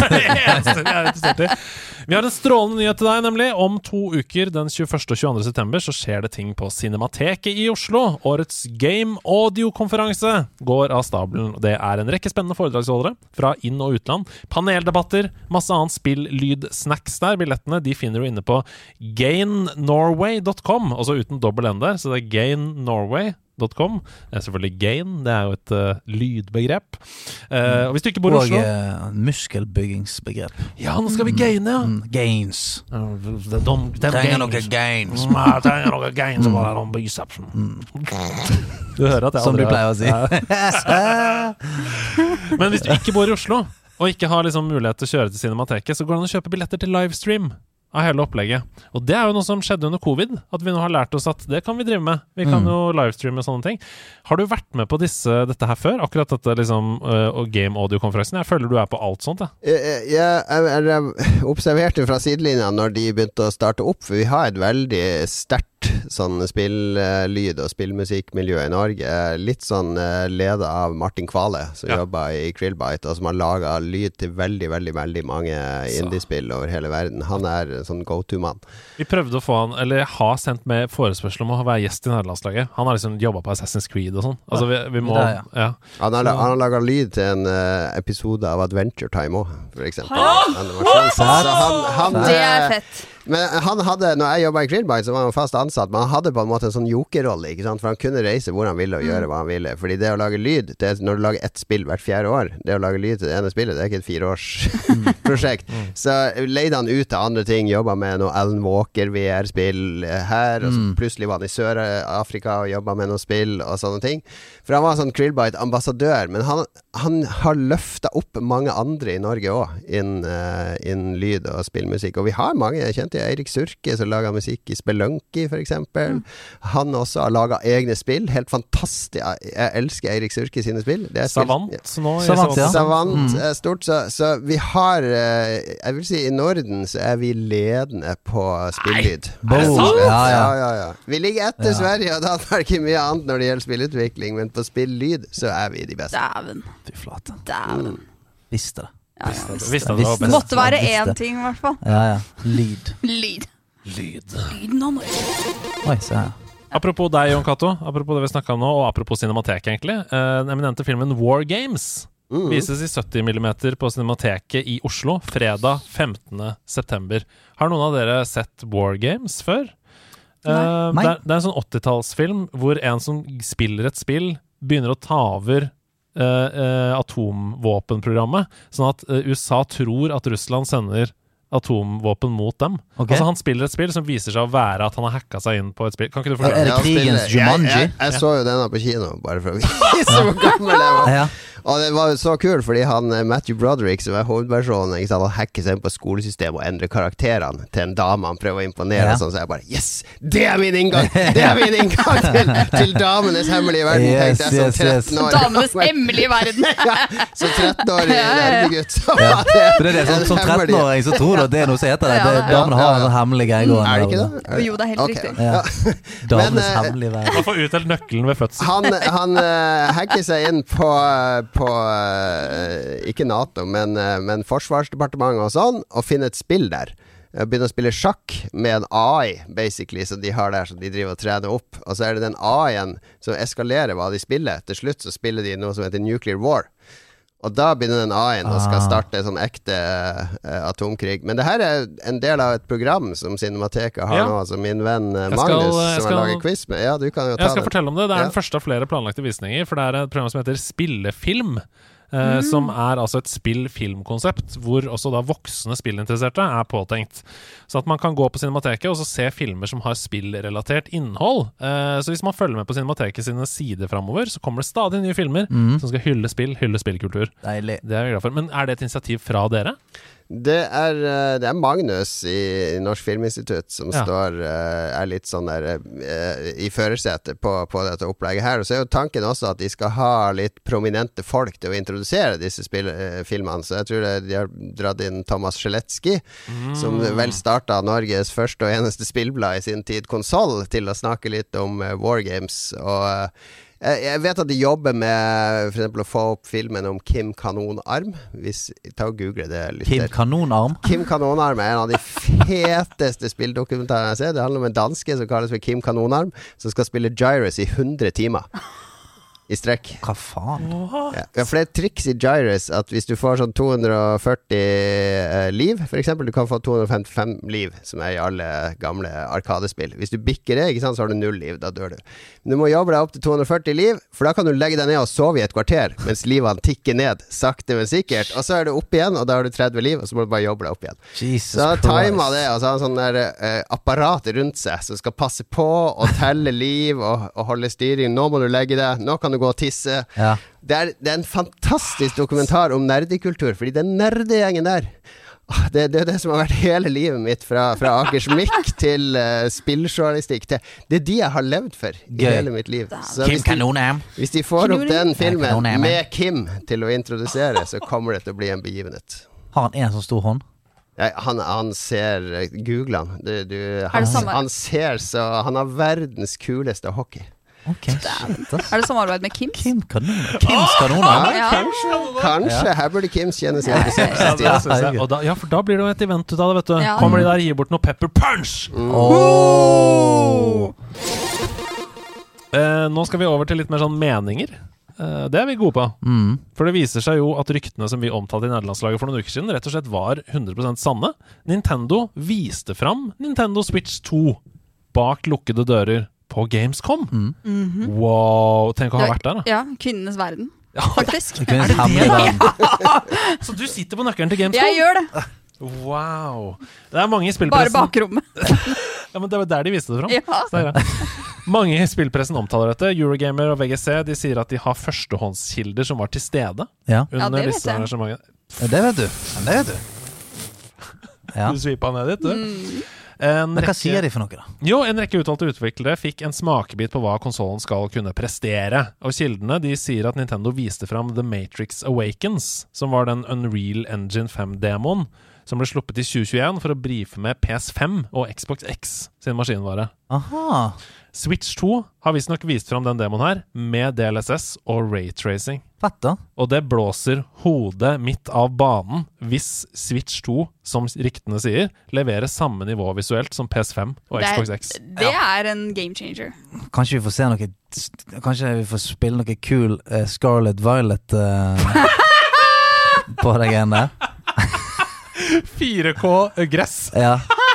Så står og veiver i vinden. Helvete, så dårlig. Ja, det, Men, eh, men det hadde vært skamfett, da. Altså En håndholdt eh, Switch med maskinkraften til Xbox X, det Ja. skjønner jeg ikke hvordan de eh, få, har fått til, i så fall. S- Men det er jo helt rått, da. Jeg tenker, hvis de, de- hvis de får til det, hvis det er eh, ekte, så Ja. er det jo eh, Da må du i hvert fall på treningsstudio, Andreas. For Ja, det ja. klarer, kommer, klarer å løfte fra bordet en gang. ja, Men det, ha- det er jo egentlig Det er en liten shotsfire, det. Du må få den. Nintendo har jo på en måte hatt sitt marked fordi at de har kunnet ha sine egne IP-er og ha mye eksklusivt rundt det. Eh, og hvis de nå kan på, levere på nivå med, med PlayStation 5, eh, med nye Xbox, så tenker jeg farlig for eh, de andre konsollene da. Altså Det som er uh, genialt her, det er jo at Switch har jo støvsugd markedet og Mm. solgt helt latterlige mengder. Og nå er det for første gang vi ser en nedgang i antall salg fra kvartal til kvartal siden den ble lansert. Mm. Så nå ser vi at metningspunktet er nådd, på en måte. Og hva gjør man da? Man kan på en måte ikke bare lansere en konsoll som er litt mer, sånn som Wii U. Ikke sant? Mm. Du må lansere noe som virkelig smeller, sånn at de som allerede har Switch, føler at de må kjøpe Switch 2. Ja. Og det er jo det de gjør. Ja, for nå, eh, nå er jo de presset litt opp i et hjørne. For nå er jo det blitt eh, gått inflasjon i håndholdt. Nå har Rog Alien kommet, Steam Deck. Nå kom til og med Var det AMD som slapp en håndholdt nå nettopp, Mm. tror jeg. Eh, og nå kommer PlayStation sin sånn kvasi-håndholdt der. Ja. Han er jo håndholdt, men du må jo remote-playe alt mulig. Så det vil si at du kan jo du, du, du får vel Er det 60 frames du får på den? Uh, PS Portal. Og du kan uh, streame uh, Altså PS5-innhold. Mm. Men da må du kjøpe en PS5 da, i tillegg. Så det er, Ja, ja, ja. ja uansett. Ja, men mener sånn at aha, den håndholdt-greien Ja. eh, Hvis du kan spille Sånn som på for eksempel Rog Ally og på den AMD-håndholdten. Du kan spille alt du vil. Mm. Du kan spille eh, eh, på, på kryss og tvers av alle plattformer. Du kan spille Xbox, du kan spille Steam, du kan spille Epic Games, du kan spille hva faen du vil. Da begynner det plutselig å være sånn Ok, på Switch Da kan du bare spille Mario og Zelda. Da, Mm. For liksom den, den vanlige konsumer. Og det er Mario og Zelda-konsoll. Mens jeg skal kjøpe Hvis jeg skal kjøpe til kiden min, da. Nei, men da er jeg også kjøpe en som kan spille alt på, for eksempel. Ja, det er sant. Så jeg tror at de må komme med noe så, som er fett. Men tror du ikke at kanskje det her har de jobba med lenge og egentlig hatt klart kan, potensielt en ganske god stund, da? Men at de har venta til OK, nå stuper salget av Mm. eh, Switch.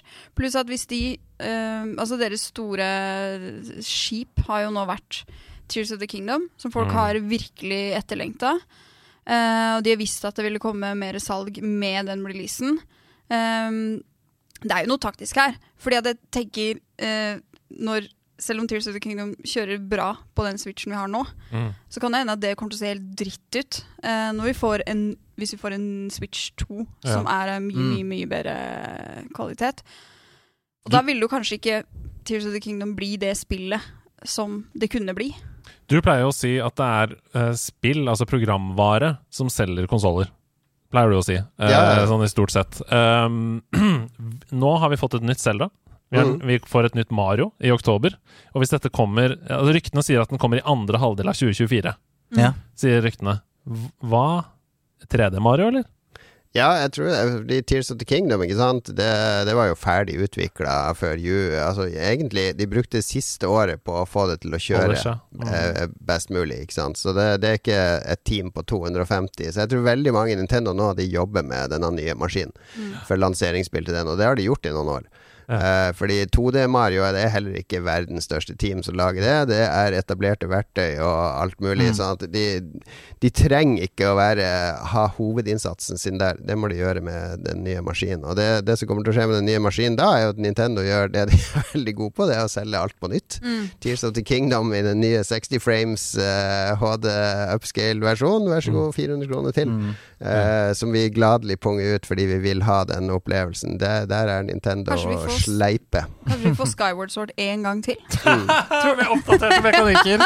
Tål, ja, det, Tilbake til move. Men vi får se hva, hva de vil, fordi Switchen sin unike greie ikke sant? Det var ingen som skjønte her skal jeg dokke den og spille på TV, og jeg kan ha den håndhelt. Det var jo det som var hele salgspoenget. Fordi du kjøper én PlayStation 5 og har i stua, den må alle eh, ungene spille på. Ja.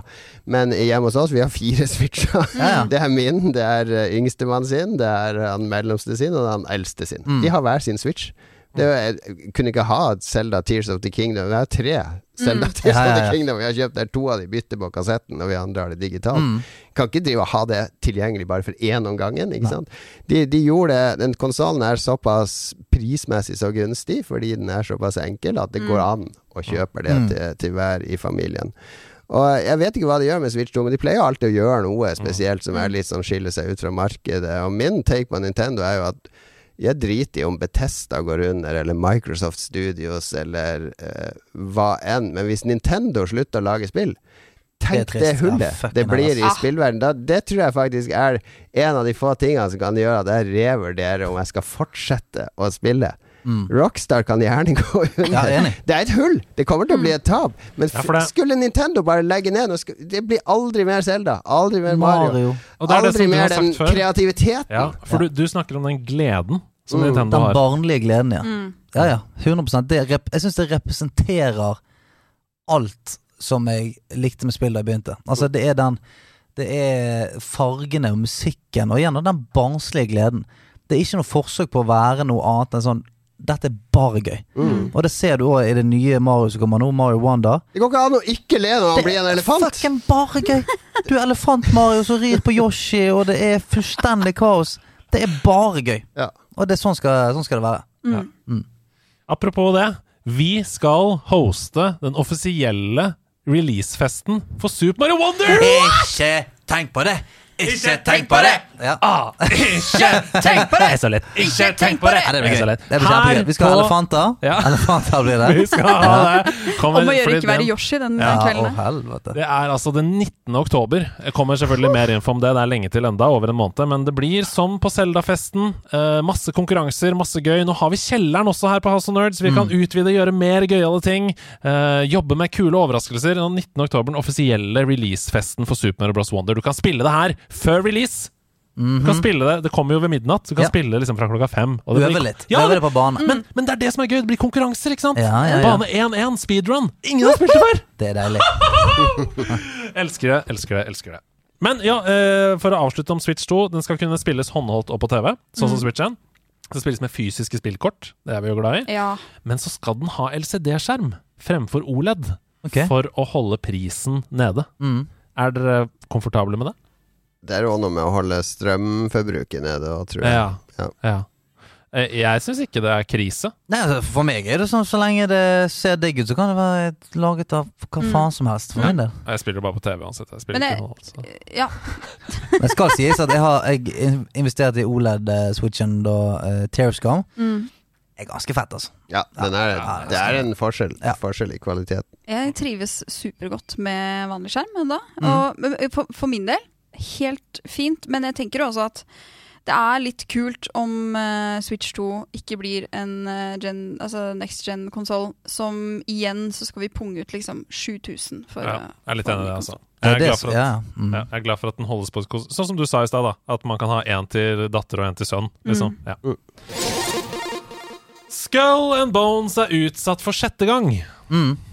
skriver Kotaku. Eh, piratspillet som Erik Fosse med Pressfire først spilte på E3 2017! Du òg, eller?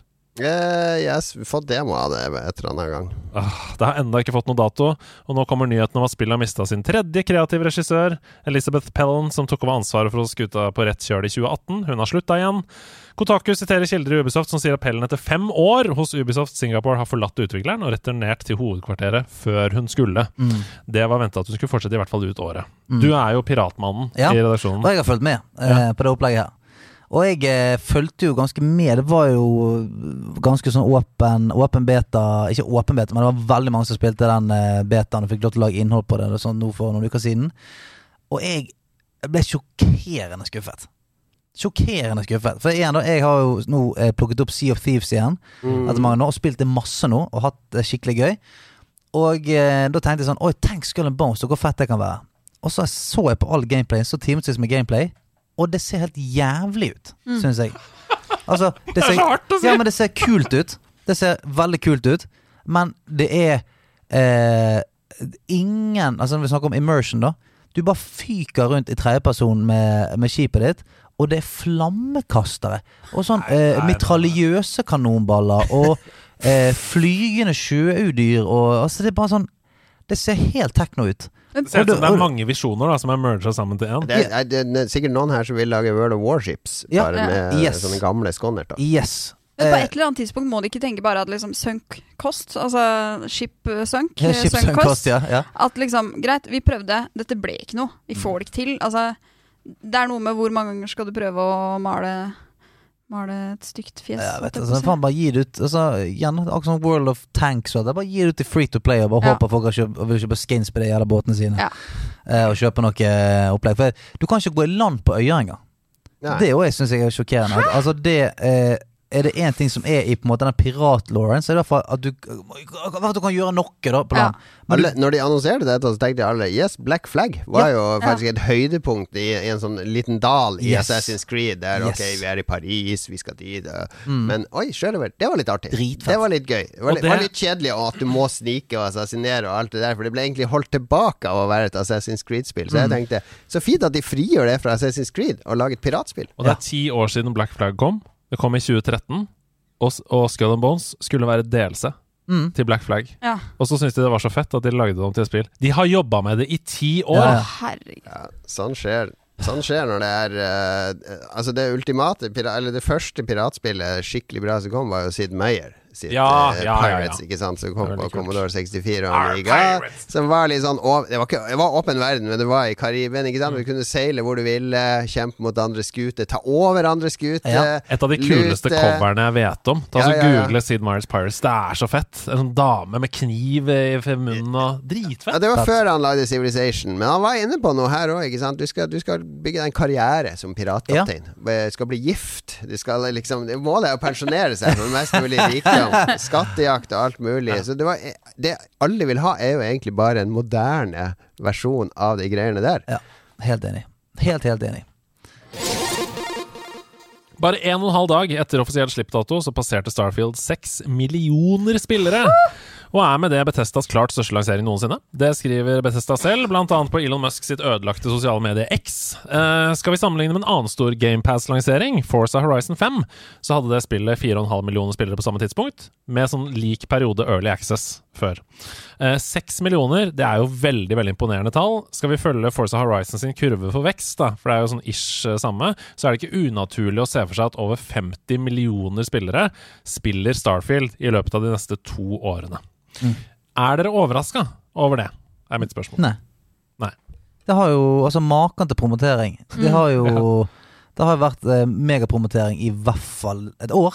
Mm. Så jeg tror ikke det var mange som ikke hadde fått med seg at det spillet kom. Og det har blitt hypet så inn i helvete opp, sånn at, eh, at folk spiller det bare fordi at de må være med på greien. Føler jeg mange som kommer til å gjøre òg. At uh, nå er det fremdeles er det sånn at eh, de største youtuberne og eh, innholdsskapere lager innhold for og av Starfield. Uh, moddere er i full uh, frammarsj. Det er sånn Og så tenker jeg det, har en, det er noe med den kombinasjonen av supergod promotering og tilgjengeliggjøringa uh, når de slipper det på GamePass. mm. Mm, ja. uh, legger, man legger liksom så sinnssykt til rette for at her skal alle bare bli med og teste. Dette kommer til å bli sånn der, så, uh, sånn felles minne man har. Sånn Åh, det er sånn som man trodde Hvor var du? Ja, men Ja. Det, det er jo det som er Og, og igjen, og grunnen til at jeg også satt meg ned og tenkte sånn Jeg får vel spille litt Starfield, da. Er bare fordi at, eh, dette skjer. Nå, Mm. sp Ja, ja. nå spiller liksom hele spillverdenen dette. her Man må jo på en måte være litt med på opplegget. Men jeg tror eh, Jeg er litt usikker på om det får like mye vekk som Forza Horizon. Fordi Forza Horizon er så sykt tilgjengelig at du kan sette en fireåring til å, å peise rundt. Det bare holde klampen i bånn, og så kjører du gjennom alt. Eh, verdens enkleste eh, racingspill. Jeg vil ikke ha med Siri. Eh, men eh, Og det er ikke Starfield. Og det de ikke sier noe om, ikke sant Det som er ulempen med, med GamePass, er jo at eh, hvor mange er det som har uh, lasta ned og så gått inn og traska rundt i den der gruva, som du skal gjøre i 25 minutter? I sånn sirup i starten, med folk som prater til deg. Og de, Hva faen er det her for noe? Og så spiller de noe annet i stedet. Altså, Hvor mange minutter har disse folka spilt? For det er ikke seks millioner salg, ikke sant? Nei, det er sant. Det, det er en haug med folk som får dette via abonnementet sitt. Eh, Nå det, jeg- Samme som Netflix måler. ikke sant? De måler hvor mange som har starta Ja. å se på en serie eller en film. Ikke hvor mange som har fullført uh, den. Hva heter, hva heter det der gamle gamle FPS-spillet på PS2 som het, heter Red Red Age? Red uh, Red Faction. Red Faction! Jeg får Starten på Starfield gir Ja. meg så jævlig Red Faction. Ja, ja. Det er sånn kommunistisk uh, jævla gruve som du det, Traust og mørkt og jævlig Ja. i starten der. Det, som ikke, ja, det er ikke det kuleste anslaget. Jeg mener sånn Starfield burde bare startet midt i en jævla uh, fight oppe i verdensrommet der. Ikke i den gruve der du skal uh, hente Det- materialer. Ja, det er et eller annet. Det, vi er en sånn der uh, Altså, Skyrim fortsetter jo å selge i bøtter og spann, så det er et stort publikum her som kommer til å oppdage uh, Starfield. Men jeg tror ikke det er like bredt som uh, f.eks. Forza Horizon. Apropos det, vi ble tilsendt verdens beste pute, var det noen som sa uh, forrige dagen. Som var en pute som du kunne kjøpe på internett, som er det bildet av han som sitter i den vogna i, i Skyrim og sier sånn Oh, you're finally awake. Yeah, good, Så- good you're awake. er. Så du ser når du våkner hver dag. Ja. Eh, Men jo, jeg tenkte jeg skulle si det også. Nå har jeg sagt det i kjedsommelighet i det siste, men da jeg jobba i et annet produksjonsselskap, så jobba jeg med sosiale medier for Coop. Um, og da uh, lærte jeg av mediebyrået PhD at gjennomsnittlig seertid på alt sosiale medieinnhold er 1,3 sekunder på video. Så Hvor det betyr sykt, at hvor sykt er det? du har 1,3 sekunder da, til å fange seeren. Så uh, apropos gruva di Ja. What?! Ja, vi får se hvor mange som kom seg ut av gruva til slutt. Ryktene svirrer om at Nintendo har tenkt å vise fram flere kommende Switch-spill i en av sine Nintendo Direct-sendinger denne måneden. Det skriver Pressfire.no. Og da er jo spørsmålet får vi Switch 2 samtidig. Kanskje? Vi vet ikke. Splatoon 4? Det er Det er eksbrukeren Pioro som melder at vi kan forvente oss et helt nytt F-Zero-spill. Og det er utrolig gøy, med tanke på at vi ikke har fått et nytt spill i den serien på nesten 20 år. Og grunnen til at vi lytter når Pioro kommer med rykter, det er at vedkommende tidligere har lekket både navnet på Super Mario Bros. Wonder, han har lekket at, eller hen har lekket at Super Mario Bros. RPG skulle pusse opp, og at et nytt Detective Pikachu skulle komme før en Nintendo Direct, der alt stemte. Han har også tidligere avslørt Sonic Superstars. Han har avslørt mobilspillet Civilization Reign of Power, Samba de Amigo og andre spill før de ble annonsert. Så hva Det tenker var du han da? som annonserte òg at uh, Kylie Jenner og Timothy Chalamet uh, datet, var ikke? Ja, var det det? Men det er fordi uh, Pioro er jo faktisk med i Kvinnenes verden. Ja, Nei. han òg? Mm. Også med i Kvinnes hemmelige verden. Ja. Altså, Vi må lage et magasin eh, som heter Kvinnes hemmelige verden. KHM. Ja. Eh, nei, ikke M. Merden. KHV. KHV. KHV. Eh, KHV. Det høres ut som et eller annet tysk ord. Ja. Um, men uh, hva tenker dere om dette? da? Nytt F-Zero. Uh, det er også rykter om et nytt Donkey Kong. Mm. Ja, Ja, men det har de vel skalert ned til at det er snakk om Mario versus Donkey Kong, Ja. som er eh, Det er en av mine sånn favoritt-Gameboy-spill. Mario versus Donkey Kong 1 og 2. Fantastiske eh, grublespill, men det er jo ikke, det er jo ikke liksom et uh, fullblods nytt Donkey Kong-spill. Eh, men ne, Det stemmer helt sikkert det han sier, men jeg tror ikke vi får noe Switch 2 før uh, kanskje nærmere jul, eller rett Mm. over jul. Altså, de, vil ikke, de vil ikke ta fra potensielle Switch-salg til det Nei. nye Mario-spillet som kommer. Ikke sant? Hvis du vet at det kommer en ny konsoll neste år, og datoen og alt, så, så er det ingen som kjøper eksisterende Switch. Det er et godt poeng. Men er ikke vi klar for uh, et nytt next gen WarioWare? Hæ? Ja, du var så skuffa, du, over det forrige. det der, det Jeg var, men jeg var så gira òg. Ja, Du gleda deg skikkelig Ja, til microgames. Ja. Ja, du har jo til og med hatt det med i Sidequest med meg, hvor du snakka Ja, om, ja, ja. eh, du om uh, WarioWare. Mm. Syns du det var bra? Det nye nå? Mm. Uh, ja, det likte jeg egentlig ganske godt. Jeg har, men jeg elsker jo alle WarioWare-spillene. Jeg har jo brukt WarioWare som terapi for yngste sønn. terapi! Ja, fordi han, han Fordi du er for eh, rolig? Du nei, han- stresse deg opp litt? han fikk en skade en gang. Vi måtte på sjukehus. Og da, han var sånn redd for sprøyte og sånn. Og da hadde jeg med WarioWare Do It Yourself. Eh, som er der du kan lage egne WarioWare-spill. Mm. Og da lagde vi sånn her sprøyte, du skal ta sprøyte Vi lagde sånne spill på Åh, det da, er kjempegøy! for å prosessere frykten Ja, hans. gøy. Ja. Så, så var, det har en spesiell plass. eh, Ja, det skjønner jeg. Da skjønner jeg. Hos meg. Bare lande denne F-Zero-debatten. Eh, har du spilt noe særlig F-Zero opp igjennom på Super Nintendo? Altså, jeg spilte jo det da det var. Ja. Ikke mye, Nei. men eh, nok til at jeg ble bilsyk. ja. Spilte dritmye på Super Nintendo. Den For du blå ble, bilen. litt, eh, du ble litt bilsyk av å spille F-Zero. Ja, noen. Jeg ble ikke Ja, det, altså. Nei, ble det. Den blå bilen var klart best i F-Zero uh, på Super Nintendo. Jeg ønsker meg Tenk deg det, da. I den fartsfølelsen og sånn. I, Mm. i moderne next gen-grafikk. Ja, For den uh, F-Zero-banen i eh, Mario Kart, Ja! den er jo helt syre. Dritfett! Ja, bare, Det er jo helt syre bare med eh, Mario Kart. Så hvis du kan kjøre den i eh, de der Zero-skipene Og har helt helt magisk musikk på den banen. Mm. Du som er rockete, du må høre på den. Kan jeg bare komme med en eh, skikkelig fakkel? Oi. Oi, Jeg vet nesten ikke om jeg tør, uh, for jeg vet at jeg kommer til å få så mye kommentarer på det. Ja, men kjør, da. Vær litt tøff. Hånda mi, hånda mi hovrer over Ja, Ok, trenger bare ikke, ikke trykk på. Ja. Nei, jeg bare, for, uh, dette kommer fra mitt perspektiv, som ikke er så veldig glad i racingspill. Uh, jeg syns Mario Kart er kjempegøy, fordi det har noe annet ved seg. Men det er litt sånn Å, nå kommer det et nytt bilspill. Så er det for meg litt sånn Trenger vi det, på en måte? Eh, handler ikke alle de, Jeg vet, jeg veit, jeg veit det kommer, jeg veit det, men Zero er ikke et bilspill! Ja, OK. Er et uh, Nei, men. Si det ferdig nå. Nei, altså veldig mange Fra mitt perspektiv Jeg angrer! Ja. Nei, du syns alle bilspill er like? Det er å Jeg kjøre rundt en bane. veldig Mm. mange bilspill er veldig like, hvor det bare handler om å kjøre fortest rundt en bane. Og hvis du syns det er gøy, absolutt. Men jeg, jeg forstår ikke um, Altså, er det masse forskjellige gameplay og sånn i alle disse, eller handler det bare om å kjøre rundt og rundt på raskest mulig tid? Ja, det handler om det. Men det det, det det høres ut som, er at du ikke forstår hva det er som øh, Hvordan du kan være flink. Det er det det høres ut som. Fordi det er jo en veldig stor motivasjonsfaktor i bilspill. At du merker at du blir bedre og leser svingene bedre og, og vinner konkurranser og sånn. Og det har jeg all respekt for. Ja. At, jeg mener absolutt det er en skill. Men er ikke det på en måte det samme konseptet i Nei, men sånn som Forza Horizon, da. mm. Så er jo det sånn eh, Der er jo det en sånn karrieremodus. Mm. Der starter du, du skal jo på en måte gjøre et navn for deg sjøl. Og du kan gjøre alt fra å kjøre eh, mud races til å kjøre eh, fra A til Å gjennom en orkan, eksempel. Og du kan kjøre på stranden i en beach buggy, og du kan kjøre trailer og alt mulig. Det høres jo gøy ut.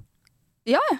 Men, men det, det, det du snakker om, er jo Forsa Motorsport versus Gran Turismo versus Ja. Assetto Corsa. Ja, for der er som, jeg enig. som, er, som man ikke kan se forskjell på når du ser på skjermbilder. Mm. Ja. Fordi det er spor, eh, ekte biler på ekte baner Ja. med ekte grafikk.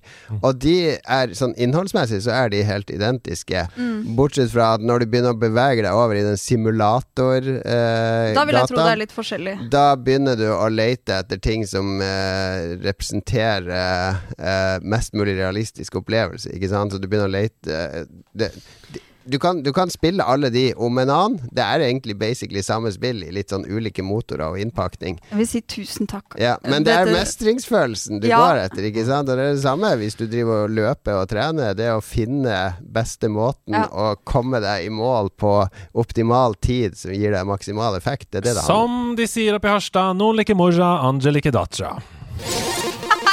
Det skjer spennende ting hos Google, for etter, la oss være ærlige, den enorme fadesen Google Stadia, så har de vel heldigvis ikke gitt opp spill. Det er jo hyggelig å se, da. Nå har søkemotorgjengen så vidt begynt testing av spillbare småspill rett i nettleseren på YouTube. Det melder Eurogamer. Altså Det minner rett og slett om de gode gamle Flash-sidene våre. 1001-spill, 123spill.no.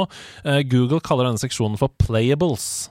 De skriver selv Playables are games that can be played directly on YouTube on both desktop and mobile devices. If you're part of this experiment, you'll see a section on YouTube called Playables that will appear alongside other content on the home feed. De sier ikke noe om uh, når dette kommer, hva slags type spill vi kan forvente. Er dette noe vi ønsker oss? Playables på YouTube? Vil dere ha det? Trenger det ikke.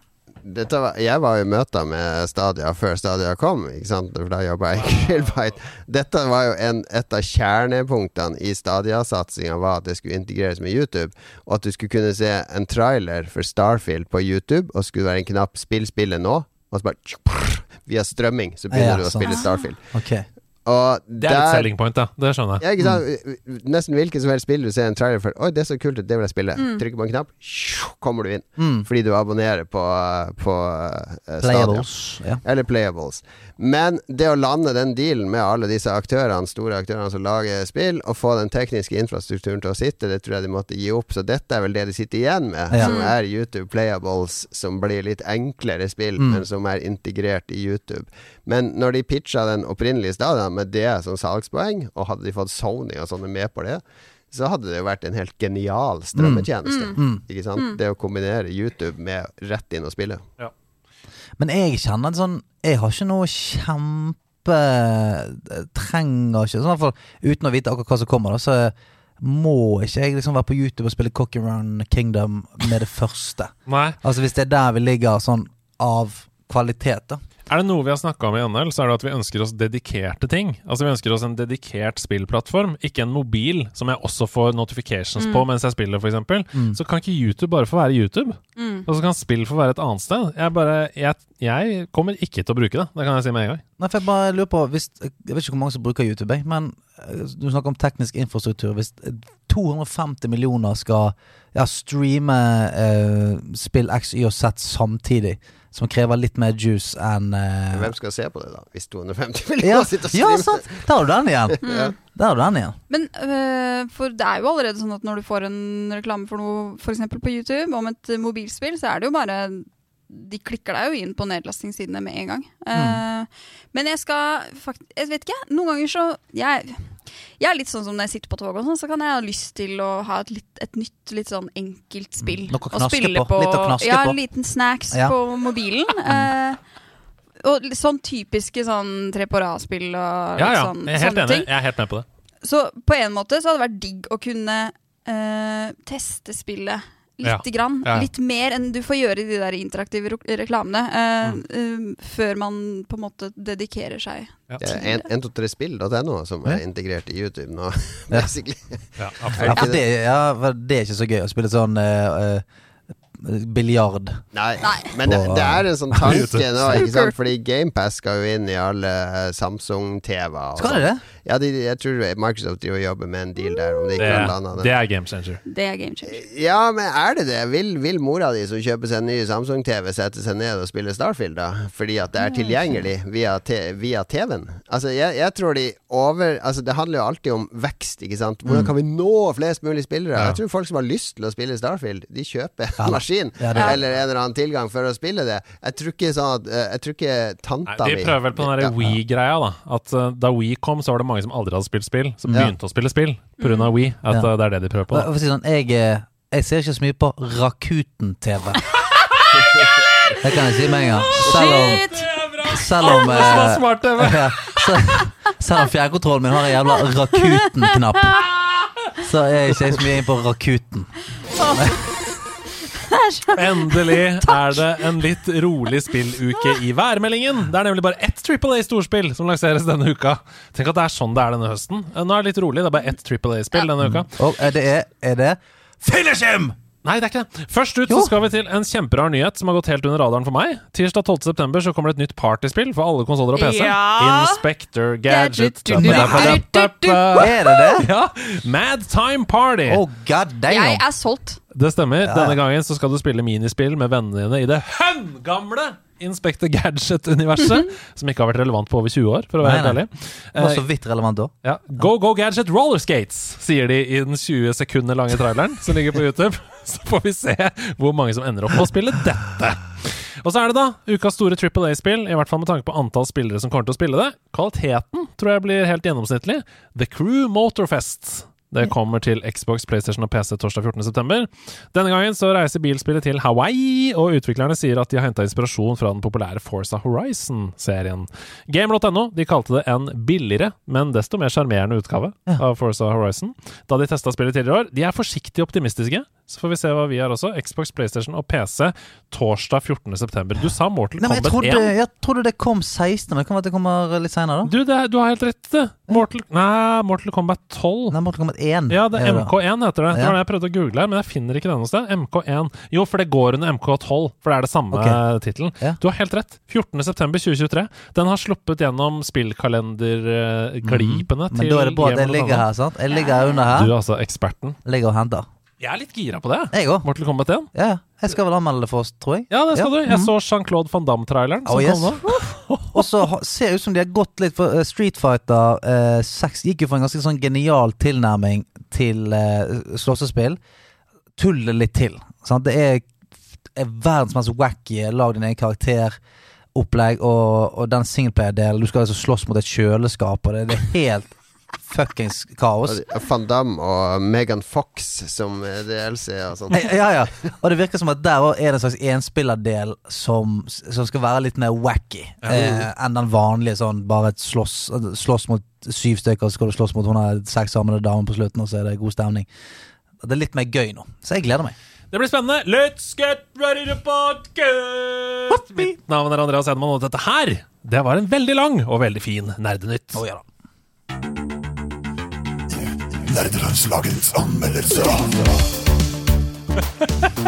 Det var da veldig. Jeg ble sint jeg nå. Ja, Fark har blitt til Solid Snake Ja. eh, idet han skriker at det er anmeldelsestid. Og det er fordi det er deg, Ida. Det stemmer. Du har vært inne i et bitte lite hekseunivers. Ja. Der er Det har jeg vært. Mm. I eh, det som opplevdes som Ja, nei, dere får høre sjøl. Det Jeg, er vet- jeg tror ikke du trenger å høre det, for det, jeg, jeg kan lukte en slags karakter her. Bare av kroppsspråk og eh, hvis du, tone. hvis du har lyst til å spille spillet, så spol fram til anmeldelsen er over, kanskje. Vi hører. Det var en gang en liten heks som ikke gadd å lese kontrakter hun måtte signere. Hun hadde alltid hatt lyst til å drive en liten magisk butikk, og en dag gikk endelig hennes drøm i oppfyllelse. Det var bare dette med kontrakten, da. Den gadd jo hun ikke å lese. Og der sto det nemlig at nå var hun fanget i butikken helt til hun klarte å tjene nok penger til å slippe fri. Dette er nemlig historien om den lille heksa i spillet Tiny Witch.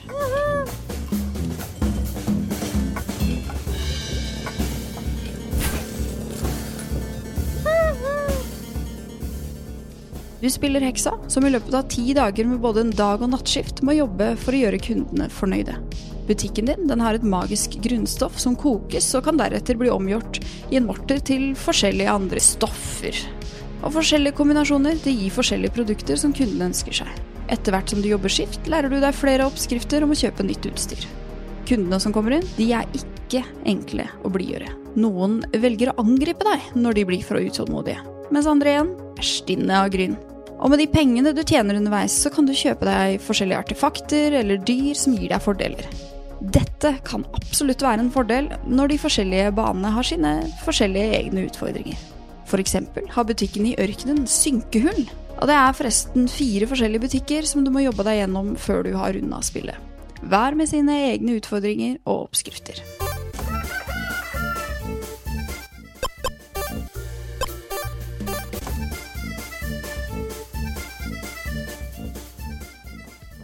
Tiny Witch er et stressende spill. Det renner inn kunder hele tida, den ene mer utålmodig og kravstor enn den andre. Og som den flinke piken jeg er, prøvde jeg desperat å gjøre alle fornøyd, siden dette ofte er et krav i andre lignende spill. Og du, hvis du har lyst til å spille dette spillet, så du kan egentlig spole fram til anmeldelsen er over nå. Spoiler alert. Jepp. Og der er vi fortsatt med og lytter. Ok, clouet er nemlig Du trenger ikke å gjøre alle glad. Ikke i det hele tatt. Du trenger ikke å servere alle kundene som ber om noe. Du trenger ikke lage produktene som krever mest tid. Bare lag det som passer seg. Prioriter de rike kundene. Ta det med ro. Dette her er jo et spill som er lagt opp til å stresse, men du kan fint, uten problem, få mer enn nok penger inn i kassa uten å prøve egentlig så veldig hardt. Og jeg liker jo egentlig veldig godt spill med et oppsett sånn som i Tiny Witch. Jeg digger spill som Playtop, Overcooked, Merrick's Market osv. Men det er en essensiell ingrediens som jeg vet ikke om de har glemt å putte i denne gryta, nemlig muligheten til å spille sammen. Etter å ha spilt dette spillet i et kvarter, var det innlysende for meg at jeg ikke skjønte. Hvorfor skal jeg gidde å spille det spillet her aleine? Det er ikke så veldig vanskelig, og det har altfor liten utvikling. Og det er ikke veldig underholdende i seg selv. For meg er det samarbeidselementet som skaper gleden i sånne her type spill. Spillet i seg selv kan være ganske enkelt utforma, men det legger til rette for en sosial opplevelse.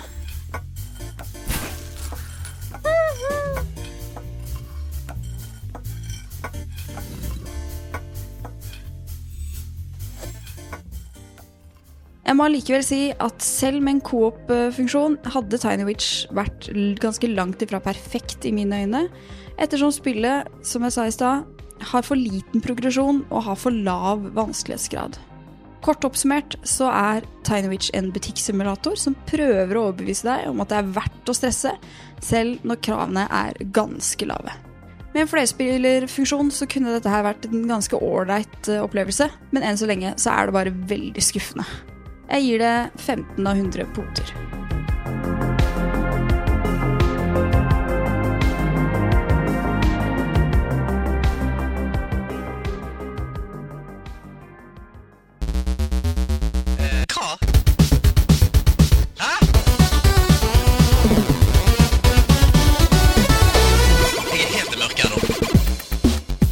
Bit for bit? Ja, det er det! Det er det det er. Eh, må ikke forveksles med det dårligere gameshowet Beat for beat. Nei, det er helt Det riktig. fossiliserte eh, gamle programmet. Dette er Bit for bit. Unge, altså de unge hippes eh, gameshow hvor alt er mulig. Ja, og det ikke er alt, stemt. ja, men, men, men, Disclaimer. Ikke alt er mulig, men Ja, alt er ikke mulig. Ja, ganske mye. Eh, Det er stemt inn av dere Ja. på Instagram Story. Vi fikk inn over 300 stemmer på eh, spalter dere ønska dere, og Bit for bit kom helt øverst. Det er en bra spalte. Det Det er forbanna bra spalte. Ja, er Gleder meg ennå. nå. Ja, er. Og for de som har kommet til i nederlandslaget de siste sesongene, så må vi forklare kjapt for Bit for bit er. Det er jo sånn at eh, en gang i tiden så er det en eminent eh, innsender i nederlandslaget som forsto at man kunne skrelle av lagene i gammel spillmusikk eh, i lydfilene som ligger inne i data. Så du kunne bare ha trommetrekk, bare ha basstrekk osv. Så, videre. så Bit for bit er altså det. Vi begynner med bare the bare bones av en låt, og så legger vi på flere og flere elementer til eh, låta er ferdig. Og Hvis man klarer det på første ledd, så er det tre poeng. Klarer man på andre ledd, så er det to poeng, osv. Mm. Og dette er en beinhard konkurranse. Her er det alle mot alle. Så dere må rope navnet deres når dere vet hvilket spill vi skal til. Og så er det cred-poeng hvis man klarer liksom låt, eller altså hvor i spillet det er, eller sånn noe, da. Mozart-kule. Mozart-kule. Så uh, det er altså det. Vi skal fram til tre. Jeg har laget tre oppgaver til dere. Av tre ledd. Og her kommer første ledd i første oppgave. Hvilket spill er det vi hører her? Rop navnet deres. Stian! Ja, det er bra test. Kan du, Yogato? Yogato! Ja, bra, bra. Ida! Ja, det er nydelig. Her er første eh, trommetrekk. Stian. Dette er Mario. Hvilket da? Det er det, er det første Super Mario 1, tror jeg. Nei, det er feil. Det er, Ja. Det er Super Mario World. det er helt riktig. Det er Super Mario World. Det er helt utrolig! Her er dette trommetrekket. Det er helt, det er helt rått. Så hadde jeg tenkt Jeg å legge imponert. på Her er altså ledd nummer to. Mm. Og det Dæven. Mm. Isbanen, tror jeg. ikke? Under, Ja. ja, jeg tror det På en måte. Jeg, jeg har ikke tenkt over at det er is der. Her er track tre. Jeg tror det er noen sånne is, uh, isskilpadder med pigg på toppen som kommer gående. ikke det? Ja, det kan stemme, det. Ja, dette er uh, fra Overworld-kartet. Oh, ja, Når du er inni Vanilla Dome. Okay. Så det er den hulen du kommer inn i der. Ja, sant. Hulemusikk. Is. Ja, for det er jo is der. Ja, Det er jo det også. Men det er først og fremst hulete, da. Ja, det er mer, mer hulete enn isete, kanskje. Og vanilje. Ja. Ja. Men la oss nå være Skal vi være dommere her? Du sa Mario 1. Det holder ikke, det? eller? Nei, det gjør ikke det. altså Det er ikke det. Det Da er det tre poeng til Ja. JC. JC? Tar den. Ja, den. den, den kom fort! Mm. Kanskje prøve å gjøre det litt mer spennende neste gang, eller? eller ikke. Her, kan her, ikke du gi vekk mer poeng? nei, det er bra. Her er neste oppgave. Rop navnet når dere vet hvor vi skal. Stian, er det 1080? Nei, det er det ikke.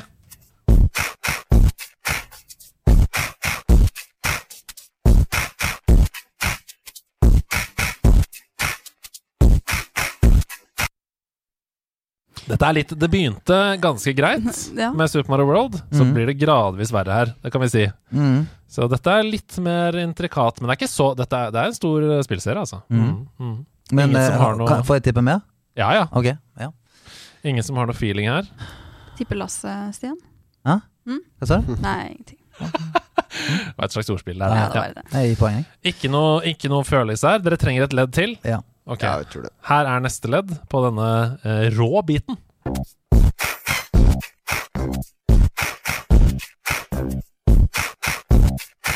Stian. Donkey Kong. Og det er ikke riktig. Nei. Det er heller ikke riktig konsoll. Men uh, du er på riktig Jeg føler at du er på riktig tidsalder, på en måte. Mhm. Og ja. Mm, riktig maskotsmessig Nei, ikke riktig. Men ja.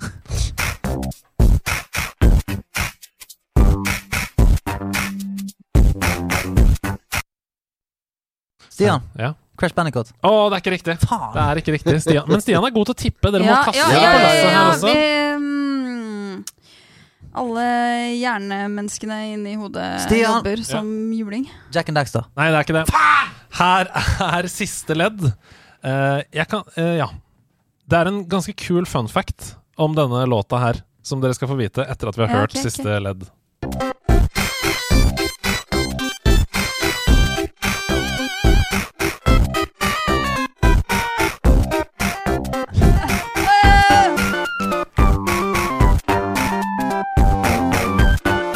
Jon Cato, Ja. er det Pinball Fancies? Å, det er gøy tippa! Det er ikke riktig! Fordi denne karakteren har også et pinballspill. Men det er ikke riktig.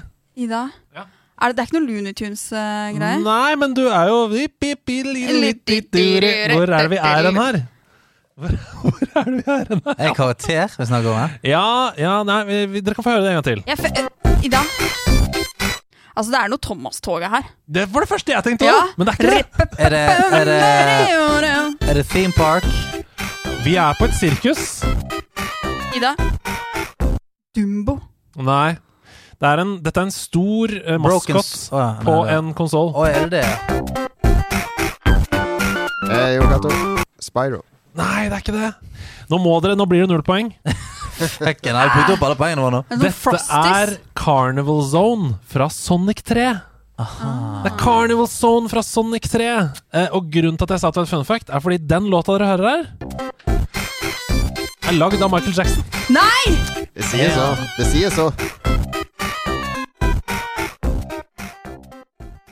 Og du hører jo litt på beaten og sånn. Det er i den derre Det er i den perioden av MJ-universet. Fantastisk. Null poeng, null poeng, null poeng. Ok, her er tredje oppgave. Første ledd. Mm. Spiss ører hvis dere må.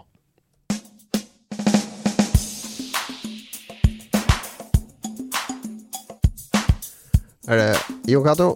Er det All Night Long med Lionel Richie? ah, feil feil podkast! Feil podkast! Det er spillet Lionel Richie! Hello heter det spillet. Ja.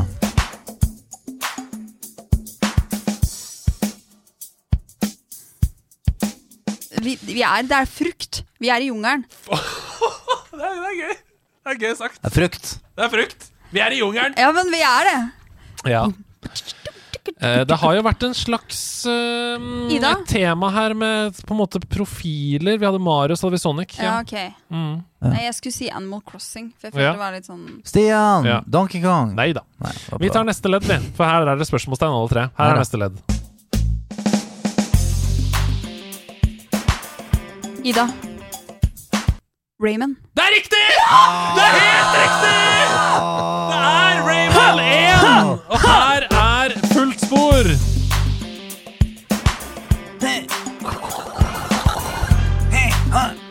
Jeg kommer til å ta den nå, tipper jeg.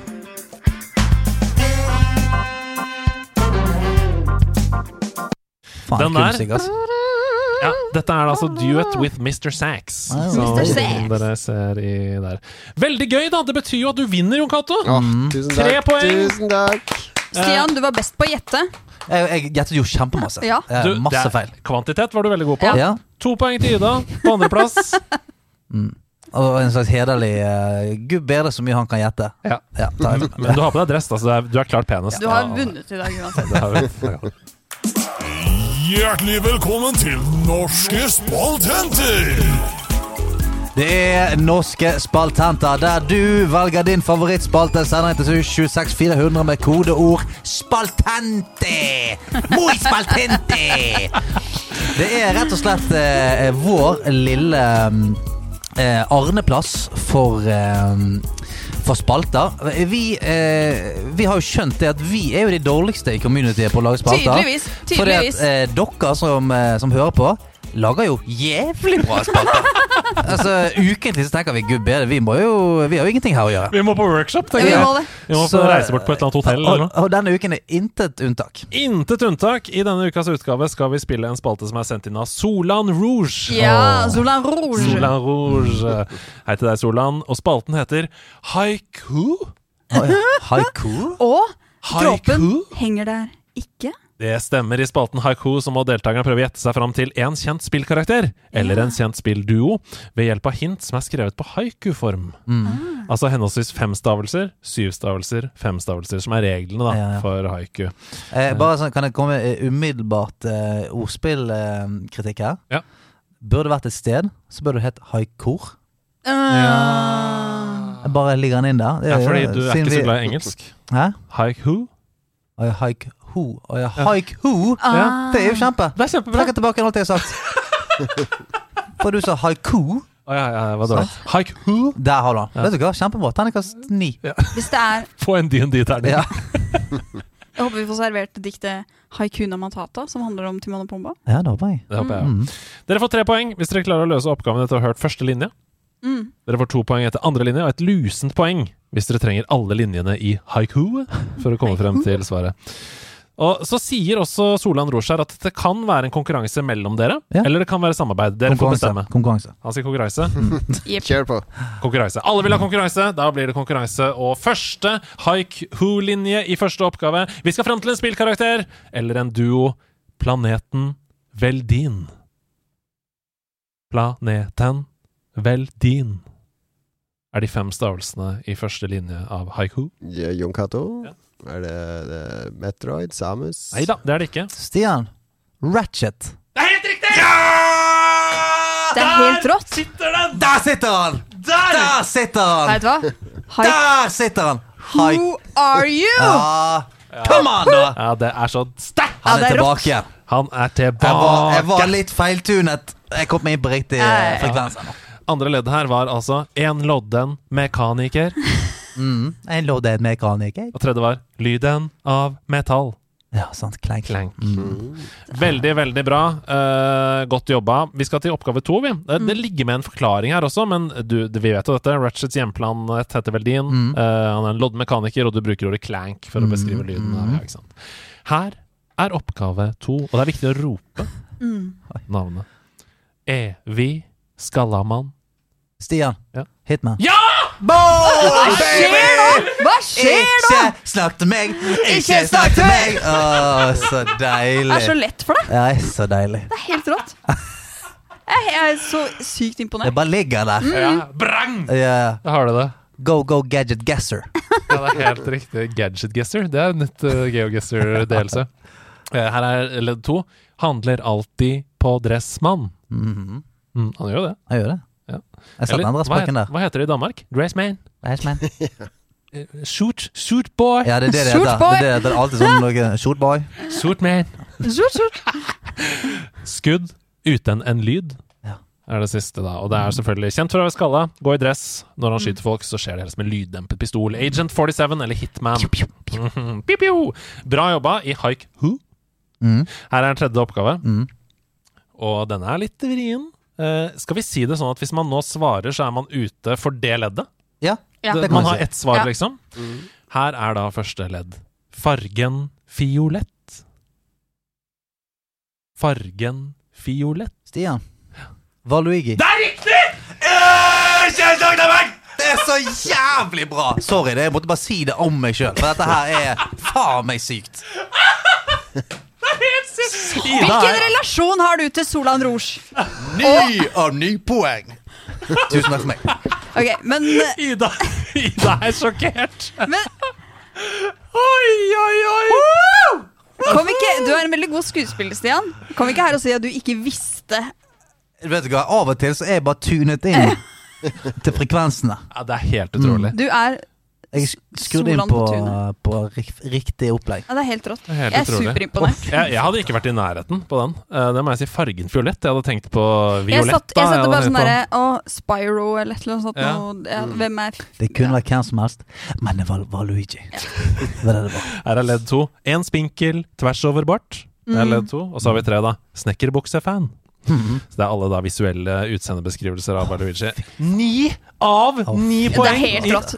Ja. Haiku. Kan man beholde den spalten her. Det det. Det blir veto neste sesong. ja, ja. Den var jævla gøy. Tusen takk skal du ha, Solan Rouge. Utrolig gøy med norske spaltenter og haiku. Og ni poeng, det er eh, Det er helt rått. helt, helt Well, actually, surely what you're saying is a balderdash of ox's feces, sausage tissue, urine talk. On, on the contrary, no, no, no. I beg to! De nerde strides. Vi skal gi over ordet til nerdestrides eh, argumentasjonskongen Jon Cato. Men jeg må bare si at i chatten på Twitch her så sier Kolibri-Martine Hun sier Har noen sett Solan Rouge og Stian i samme rom noen gang? Han har en Solan-tatovering på leggen. Mm. Har du sendt inn denne spalten selv? Ja, det hadde vært jævlig kult. Tenk deg å bli så glad for det òg. Å bli så giret over at man husket det man sendte inn sjøl. De nerde strides. Uh, ukens gjest kommer med en kontroversiell mening. Hva er det du har kokt sammen til oss? Uh, ja, når du invitert hvit mann over 50 inn for å komme med Da, da Da Nei, la, oss ikke, la oss ikke gå i, inn i Facebook uh, hvit mann 50-feltet, men la oss jeg, jeg tenkte mye over det. Jeg har ikke så mange kontroversielle meninger når det gjelder spill, men jeg har stått i veldig mange debatter opp gjennom årene, og uh, nyhetsinnslag og forsvart ting med spill. Og prøvd å nyansere, men nå når jeg er over 50 og liksom kan senke skuldrene og tenke gi litt mer f- så er det en ting som jeg har lyst til å si, som kanskje ikke så kontroversielt. Det er litt, litt i forhold til hva jeg har sagt før.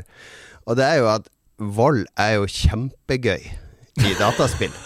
Altså, det er jo drit Når du spiller Sniper Elite 5 og får sakte film av kula gjennom øyeeplet, gjennom hjernen, alt eksploderer Jeg ler høyt fordi det er så gøy. Det er så gøy å kjøre over uskyldige i GTA fordi du bomma litt når du ble regna, og de spretter over panseret. Det er så gøy å knuse trynet til folk, kjøre motorsaga inn i, i, monster i Gears of War. Det er veldig tilfredsstillende å utøve vold i dataspill og få til gode headshots og, og utmanøvrere alle og se effektene av det du Ja. gjør. Det betyr ikke at jeg er en psykopat, fordi jeg, klarer, jeg blir fortsatt vemma hvis jeg opplever vold på ordentlig, eller ser ekte vold. Det betyr bare at innenfor de trygge rammene som et dataspill er, akkurat som en berg-og-dal-bane eller et spøkelseshus eller en skrekkfilm, så er det veldig gøy å eksponere seg og, og, og, og se effektene av det man gjør. Ja. Så, jeg, så jeg tar bladet fra munnen og sier at vold er kjempegøy i dataspill.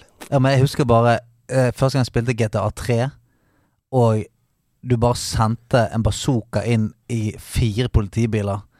og alt bare tok til helvete fyr. Og, altså, Blod det- overalt, Ja, du bare okay. Ja, eller du jeg, tok- jeg, er som, jeg er med på dette opplegget. Balltre i GTA 3. Først Ja, ja. jeg fikk det. Altså bare en tilfeldig dame som går nedover gata. Kan jeg slå henne? Gung. Å ja! Gung, gung, gung. Å ja, nå ligger hun her og blør. Gung, gung, gung, gung, gung, Mer penger! gung. Mer penger! Altså, det, det, det er dumt, og det er teit, og når uh, mor eller far ser på, så blir de sjokkert. Ja, ja. Men eh, ja, de ble sjokkert også av Iron Maiden og uh, hiphop og, skating, alt ja. mulig, og skating og alt mulig annet. Det er dataspill. Ja, det ser halvveis realistisk ut, men vi og den generasjonen som vokser opp nå, de skiller mellom disse tingene. Mm. Så det er min kontroversielle mening. Altså- Vold i dataspill er kjempegøy. Ja, Jeg men, tenker i et hm? nei, jeg, skulle si, du må, eh, jeg, jeg melder meg ut. Du møter ingen motstand her. I et sånt samfunnsmessig perspektiv så er det kontroversielt. ikke sant? For dette har vi jo prøvd å jobbe mot i, i mange år. Men du har jo helt rett. Det er en grunn til at det puttes i, i at Mortal Kombat er å knuse ribbein, og du zoomer inn på at du river ut ryggraden av en spiller og sånn. Det er en grunn til at de tar det med. Det er fordi det er gøy, fordi det er så over the top. Men Ida, du jobber jo med liksom fritidsklubber og ungdom og fritid. Og sånn. Hva kjenner du, Er du enig i dette? Syns du også dette er gøy? Ikke i kraft av å jobbe i ungdom og fritid, åpenbart, men som spiller, da. Forstår du fascinasjonen? Ja. Jeg forstår fascinasjonen, absolutt. Eh, og det å spille spill er jo eh, Sånn personlig så mener jeg jo det handler så mye om å eh, gjøre ting man ikke gjør i virkeligheten. Eh, altså, jeg, jeg skal heller jeg, jeg har lyst til å spille Starfield, men jeg skal ikke ringe til NASA og spørre om å bli med ut i rommet. Nei. Det er ganske langt unna. Og som vi har snakka om tidligere, og prøvd å preache litt ut der, er at eh, folk som spiller skytespill og sånne ting på nett, de er, de er mindre aggressive i det virkelige livet. Yes. Det er ingen uh, vitenskapelige studier som kan feste sammen uh, voldelig oppførsel i dataspill og Mm. voldelig mm. oppførsel i IRL. Nei, men du kan jo altså, Dere vet jo hvor glad jeg er i alt faenskap i spill. den snilleste som Ja, ja, altså, jeg er jo sånn hvis, hvis det er mulig å lage et helvete for andre folk i spill, så gjør, så gjør jeg det. Jeg syns det er det gøyeste som finnes. Altså, dette er jo ekvivalenten av folk som spiller i metalband. Ja. Det er jo De som ser skumlest ut, det er de største pusene. Ja. Du, du, det du må være redd for, det er de folka som eh, spiller vet ikke, De folka som... som driver og plukker blomster og sånt i spill. Ja, ja, ja. De som bare så, De! ja, de som får, de som får null av ut i spillet. Nå er du inne på noe. Nå er du inne på det.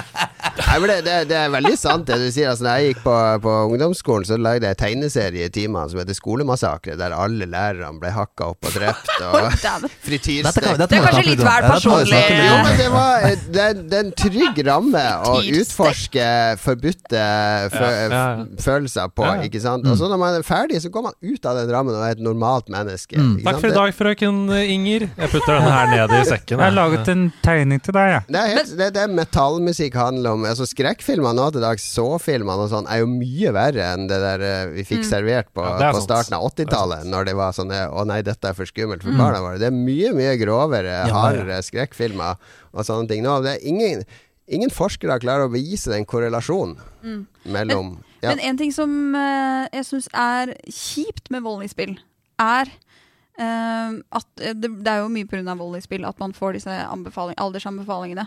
Eh, og det gjør at veldig mange unge spillere ikke får ta del i ganske Ja. mange kule opplevelser. Da, og er kule sant. verdener og kule utfordringer. ja, ja. Eh, så det skulle vært jeg vet ikke, en sånn vanilla-versjon.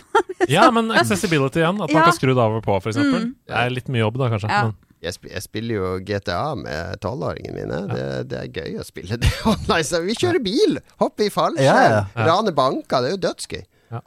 Nei, men eh, Nydelig mening. Uh, vi kjører på videre. Vi, det, vi er jo helt enige her, alle sammen. Uh, men fra samfunnet så er det nok en kontroversiell mening.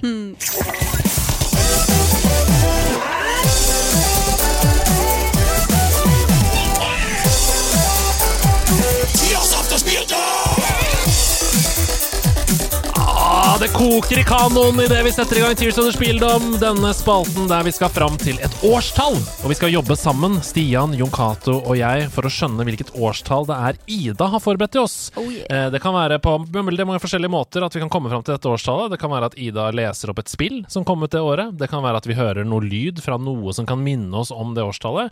Men det er tiera i tre tiers. Derfor Tears of the Spieldom. Tre poeng hvis vi greier det på første tier, to poeng på andre, osv. Det som er en kicker her, er at vi låser svaret vårt. Så hvis vi er litt usikre, så bør vi be om et til eh, hint. For når vi har låst svaret, ja, da eh, kan vi ikke trekke oss. Da får vi null poeng. Jeg tror, jeg tror jeg har skjønt det nå. Og det står også på nettsiden, eh, disse poengene. Så vi kommer opp på nettsiden nederlandslaget nå, med poeng etter hvert. Vi må egentlig få til en sånn Jon Cato. Ja, selvfølgelig. Jon Cato-avatar på sida der. Står reglene også på nettsiden? Nei, du må høre på denne. Du må okay. spole tilbake okay. og høre en gang til. Ja. Mm. Jeg burde kunne gå inn og sjekke noe sånn rett før vi gikk i gang. Hva er det eh, Altså, hva er i første ledd? Vi Ja, må, må vi en- slå sammen. Hva er på frekvensen din nå, Ja, Stian? Ja, jeg er der. Jeg er der Ja, du er der. Ja. Tuna inn. Mm. Ok. I hvert fall på, eh, på 1900-tallet et eller annet sted. Ledd én. Ja, ok. Dette året Jeg bare sier det, det Jeg tror kanskje den er Det, det er en vanskelighetsgrad her, altså. Ja, det, det er skal- ganske, det skal være litt vanskelig. Det skal være vanskelig på første ledd. Ja. Det skal jo det. Dette året kom ikke Frodo frem til Mordor, men eh, tok en helomvending bort til MTV, der han redd, eh, redda verden atter en gang ved å vise oss en ny spillkonsoll. Ok, så Elijah Wood var med i et eller annet promo? Xbox 360 tror jeg han var med og viste. Var han det? ja, på Ja. MTV. Elijah? Ja, på MTV, en eller annen award-show. Ja, etter at han hadde gjort Ringenes herre-filmene. Ja, når han var hot for det. Og Ja. kom den ut? Det er starten av 2000, Ja. eller 2000 og 1, 2, 3. 2001, 2, 3 var de tre filmene. Ikke en Ja, ikke 2001. Hæ? Kom de De kom ikke tre en hvert år? Jo. Eh, Det kom i desember hvert år. Det kom Fellowship of the Ring, så kom Two Towers i desember året etter, og Tears of the King Nei, Is it the Kingdom? uh, Return of the King. Ja, okay, ja. Um, mm. Så de kom desember hvert år, tre år på rad. Ja, det er sant. Uh, det, men det, det er f- ja, Vi er i, i mellom 2000 og 2005, tror jeg. Ja. Eller er det 98 Nei, 99, 2000, 2001? Jeg husker Altså, det Men, er men tre Xbox 360 i hvert fall, hvis vi, ser, hvis vi hvis vi tenker på det. Ja. For det trenger jo ikke være sånn at han gikk rett Nei, det er sant, det er sant. og, Det er jo- og ja. Nei, nei. Det er jo det vi må tenke på. Ja. Xbox De hadde jo Peter Jackson var med på X06. For det var etter Ringenes herre-filmene han holdt på med Hobbiten. Da Ja. dukka han opp på scenen i Barcelona. Da var, det var Microsoft sitt årlige europeiske uh, Xbox-show. Ja. Så de var, de var kobla på. Jeg, jeg, jeg, jeg tør ikke å Når Nei. kom 360 igjen? Er det 2002-3? Var det så tidlig, da? Det var ikke Jeg fikk den i en sånn koffert oppe på Furuset. Et kontor oppe på Furuset. Jeg tror vi kan snevre oss inn på det du sier, mellom 03 og 06, liksom. Eh, Ja, for det, jeg husker i hvert fall jeg, Altså, da jeg Bare orienter om at det er to ledd til. Ja, ja, ja. kan ja, nei, ja. jeg var, for da jeg var 14 Da var jeg, husker jeg Da var jeg på et LAN og fikk den vanlige Xboxen chippet. Ja. mm. eh, og da fantes ikke Xbox 360, tror jeg. Nei. Og det er 2004. Det er 2004. Mm. Så jeg jo tror at det må være sånn typ 2006, liksom. Mm. Ja, men da, ok, vi har et slags, okay, ja, Vi har et slags område. Ja. Skal vi gå for ledd 2, Ja, da? ja. Da må jeg spille av ledd 2 her. Det, jeg ser bare at det står tier 2. Jeg vet ikke hva det er på den. Jeg har ikke hørt Ja. på den. Så da får vi høre. All right, so here we are one front of the uh, elephants. Um, cool thing about these guys is that, is that they have really, really, really long um, fronts.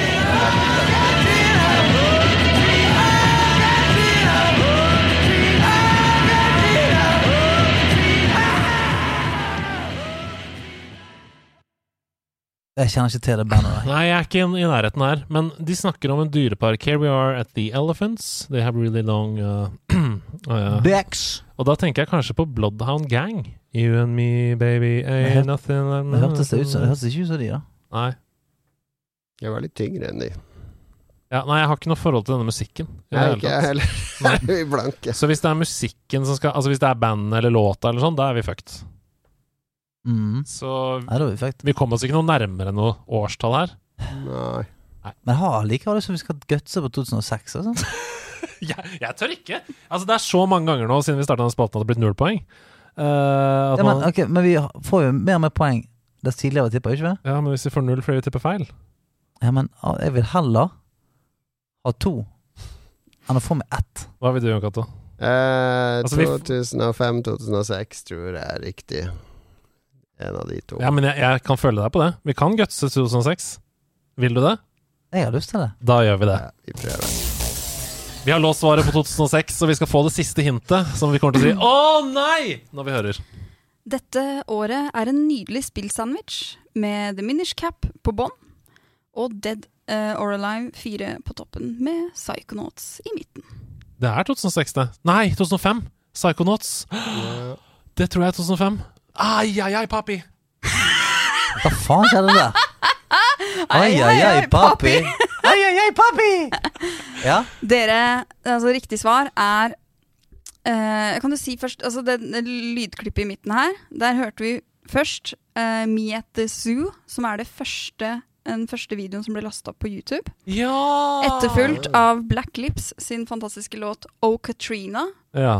Ka og Katrina er jo den um, oh, hurrika, hurrikanen. Yes, Orkanen. som uh, feide over USA i året 2005. Faen, det var nært. Det er veldig nært. Helvete, så. Meget, meget, meget meget nært. Men det viser kvaliteten i Ah. Tears of the Ja da! Spieldom-spalten. Vi var nære! Ja, var nære. Og vi gutsa. Uh, og det skal vi ha honnør for. Ja, det skal Ja, dere men ha. sant, Jon Cato var 2005-2006. Ja. Og så fikk vi pop i linja fra Ja. Hei, hei, hei, papi! Hei, papi! Spillklubben, klubben, er det landslaget? Spillklubben, Men klubben. det landslaget? Spillklubben, med nederlandslaget. Spillklubben, med nederlandslaget. Spillklubben. Velkommen ned i diskoteket her Ja. i kjellerstua. Har du satt opp lavalampa? Det har jeg, og har meg en uh, Blue Russian. Jeg drikker jeg nå. Ja. Ja. Hva drikker du, Ida? Uh, jeg drikker også en Blue Russian, men det er bare spylevæske. Ja. ja, det er for at det er den jeg bruker. Ja. Jeg drikker Salt Crunch, som er laget til en grøt med vodka. Deilig. Eh, chunky. Hva drikker du, Jon Cato? Eh, Beksvart kaffe. Åh. Beksvart kaffe her i spillklubben! Dette er min premiere det er det. i spillklubben. Det er det. Vi har ikke hatt spillklubben siden sesong to av nederlandslaget. Og den ble veldig stemt opp eh, til denne episoden, og det er vi glad for, for vi har fått lov til å spille Venba denne uka her. Et spill som følger eh, hovedpersonen Venba og mannen hennes, som forlater India for å begynne et nytt liv i Canada. Eh, Paret de sliter med språket, de sliter med kulturforandringene, og de sliter med mangel på jobb, men de håper da at deres nyfødte sønn får det lettere enn dem. Og nå skal vi snakke litt om gameplay, vi skal snakke litt om innlevelse, altså glemme tiden-faktor. Vi skal snakke litt om lyd og bilde, og hvor gøy det er. Og så skal vi ende opp på en felles karakter. Og man skal gi da 0 til 25 for hvert, uh, Mm. for hvert hint. Du sendte melding til meg gjorde det. Mm. Uh, rett etter at du hadde spilt dette. Eh, Mm. Har alle hatt, fått spilt det denne uka? her? Mm. Ja. Har dere spilt det ferdig? Har dere spilt det en time? Jeg spilte det ferdig. Jeg spilte det ferdig. Jeg spilte det på sofaen på Switch. Jeg har litt sterke armer, så det, det går fint. Det, det, Switchen gikk fra 100% til 70% da jeg var ferdig, så Ja. det var en ganske kortspilt, Mm. uh, fokusert opplevelse. Mm. Spilte det på GamePass på Series S, Mm. uh, inkludert der. Så alle har runda det, rett og slett? Ja. Ja, Én til to timer eller noe sånt? Ja, Litt over en time? En 20 eller ja, noe sånt? Litt over en. Tror det. La oss begynne å snakke litt om opplevelsen på generelt grunnlag. Hva syns Mm. du, Stian? Faen, så fint spill. Mm. Så fint spill! Ja, skikkelig fint spill. Altså, jeg, eh, Da jeg startet der, så var jeg litt sånn Ja, ok. Uh, men det tok meg ti minutter, så var jeg helt uh, fortapt. Mm.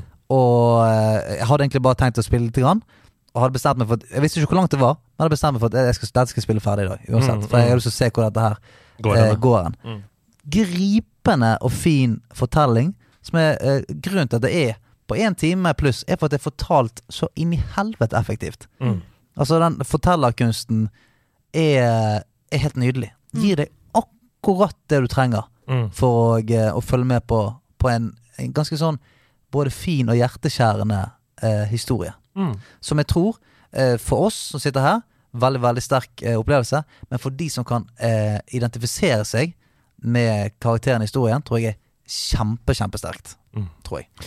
Det å være eh, annengenerasjons innvandrer, f.eks., og miste, eller ikke være så Være litt flau over egen kultur mm. hjemmefra, blandet med den kulturen i det landet du vokser opp i og er født i, da. Og eh, konflikten, interne konflikten, og ikke minst foreldrene som sliter. Altså, Karpe har jo snakka en del om dette. Mm. Vi er i limbo, liksom. Vi er verken uh, der vi kommer fra, eller nordmenn, på en Mm. måte. At det er, man er liksom mell, midt mellom to verdener.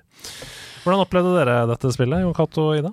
Bare sånn på grunn, generelt grunnlag? Uh, ja, ja, det er jo et veldig det, det er jo mange sånne indiespill som er veldig sånne personlige fortellinger fra én spillskaper som står bak, og det er det jo her også. Det er jo en, en fyr i India. Jeg tror dette egentlig er hans eh, det, det er som virkelighetslitteraturen. Det Mm. handler egentlig om hans oppvekst, ikke Mm. sant, og han som eh, prøver å, å lage et eller annet audiovisuelt interaktivt verk om hvordan det har vært å vokse opp Mm. som andregenerasjons innvandrer. Yes. Og for han så er det jo maten eh, som han forbinder med mora, ikke sant, og oppveksten sin, som blir eh, det spillelementet i Mm. spillet. Eh, fordi i alle mine år når jeg er full spill, det jeg elsker er jo når spill blir nye ting. Mm. Altså det er interaktive små noveller eh, som det her er en av mange av. Mm. Og så tenker jeg også at han som lagde dette spillet Jeg, tror, jeg vet ikke om han har flere spill i seg. Nei. Fordi han er vel egentlig ikke en spillskaper. Han er egentlig en historieforteller som bruker mediet til å fortelle sin historie. Og det er ikke sikkert det er riktig at han skal lage flere spill, for det dette spillets styrke er jo ikke gameplayet, eller Nei. at du skal mestre noe. Du skal liksom pøsle deg fram til hvordan du lager disse rettene som mora de har laga. Og det er gøy nok, det, men det er ikke det det egentlig handler om. Det er, det er bare for å, å få det inn i spillparaplyen, på en måte. Når vi er inne på gameplayet, fortell om det, Ida. Uh, ja. Uh, uh, nei, altså Det handler jo Det er jo mye dialog. flotte bilder. Jeg liker det visuelle. Enkelt tegna.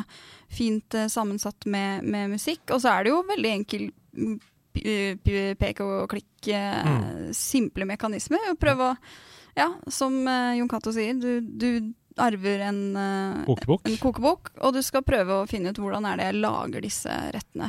Mm. Jeg må bare si om det spillet her at det eh, er så fantastisk flott å se et så sykt godt eksempel på hvordan kultur er mat, og hvordan det Mm. å arve kunsten å lage mat på en autentisk måte virkelig er eh, en, en kulturarv og en identitet. Mm.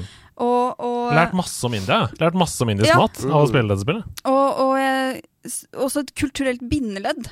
Eh, og i spillet så blir det veldig uttrykt veldig tydelig hvor viktig og hvor på en måte dette her er en av moras få måter å liksom kommunisere kultur og holde Mm. fast ved kulturen, uh, er gjennom mat. Og det, det syns jeg var utrolig flott, uh, og det er så sant.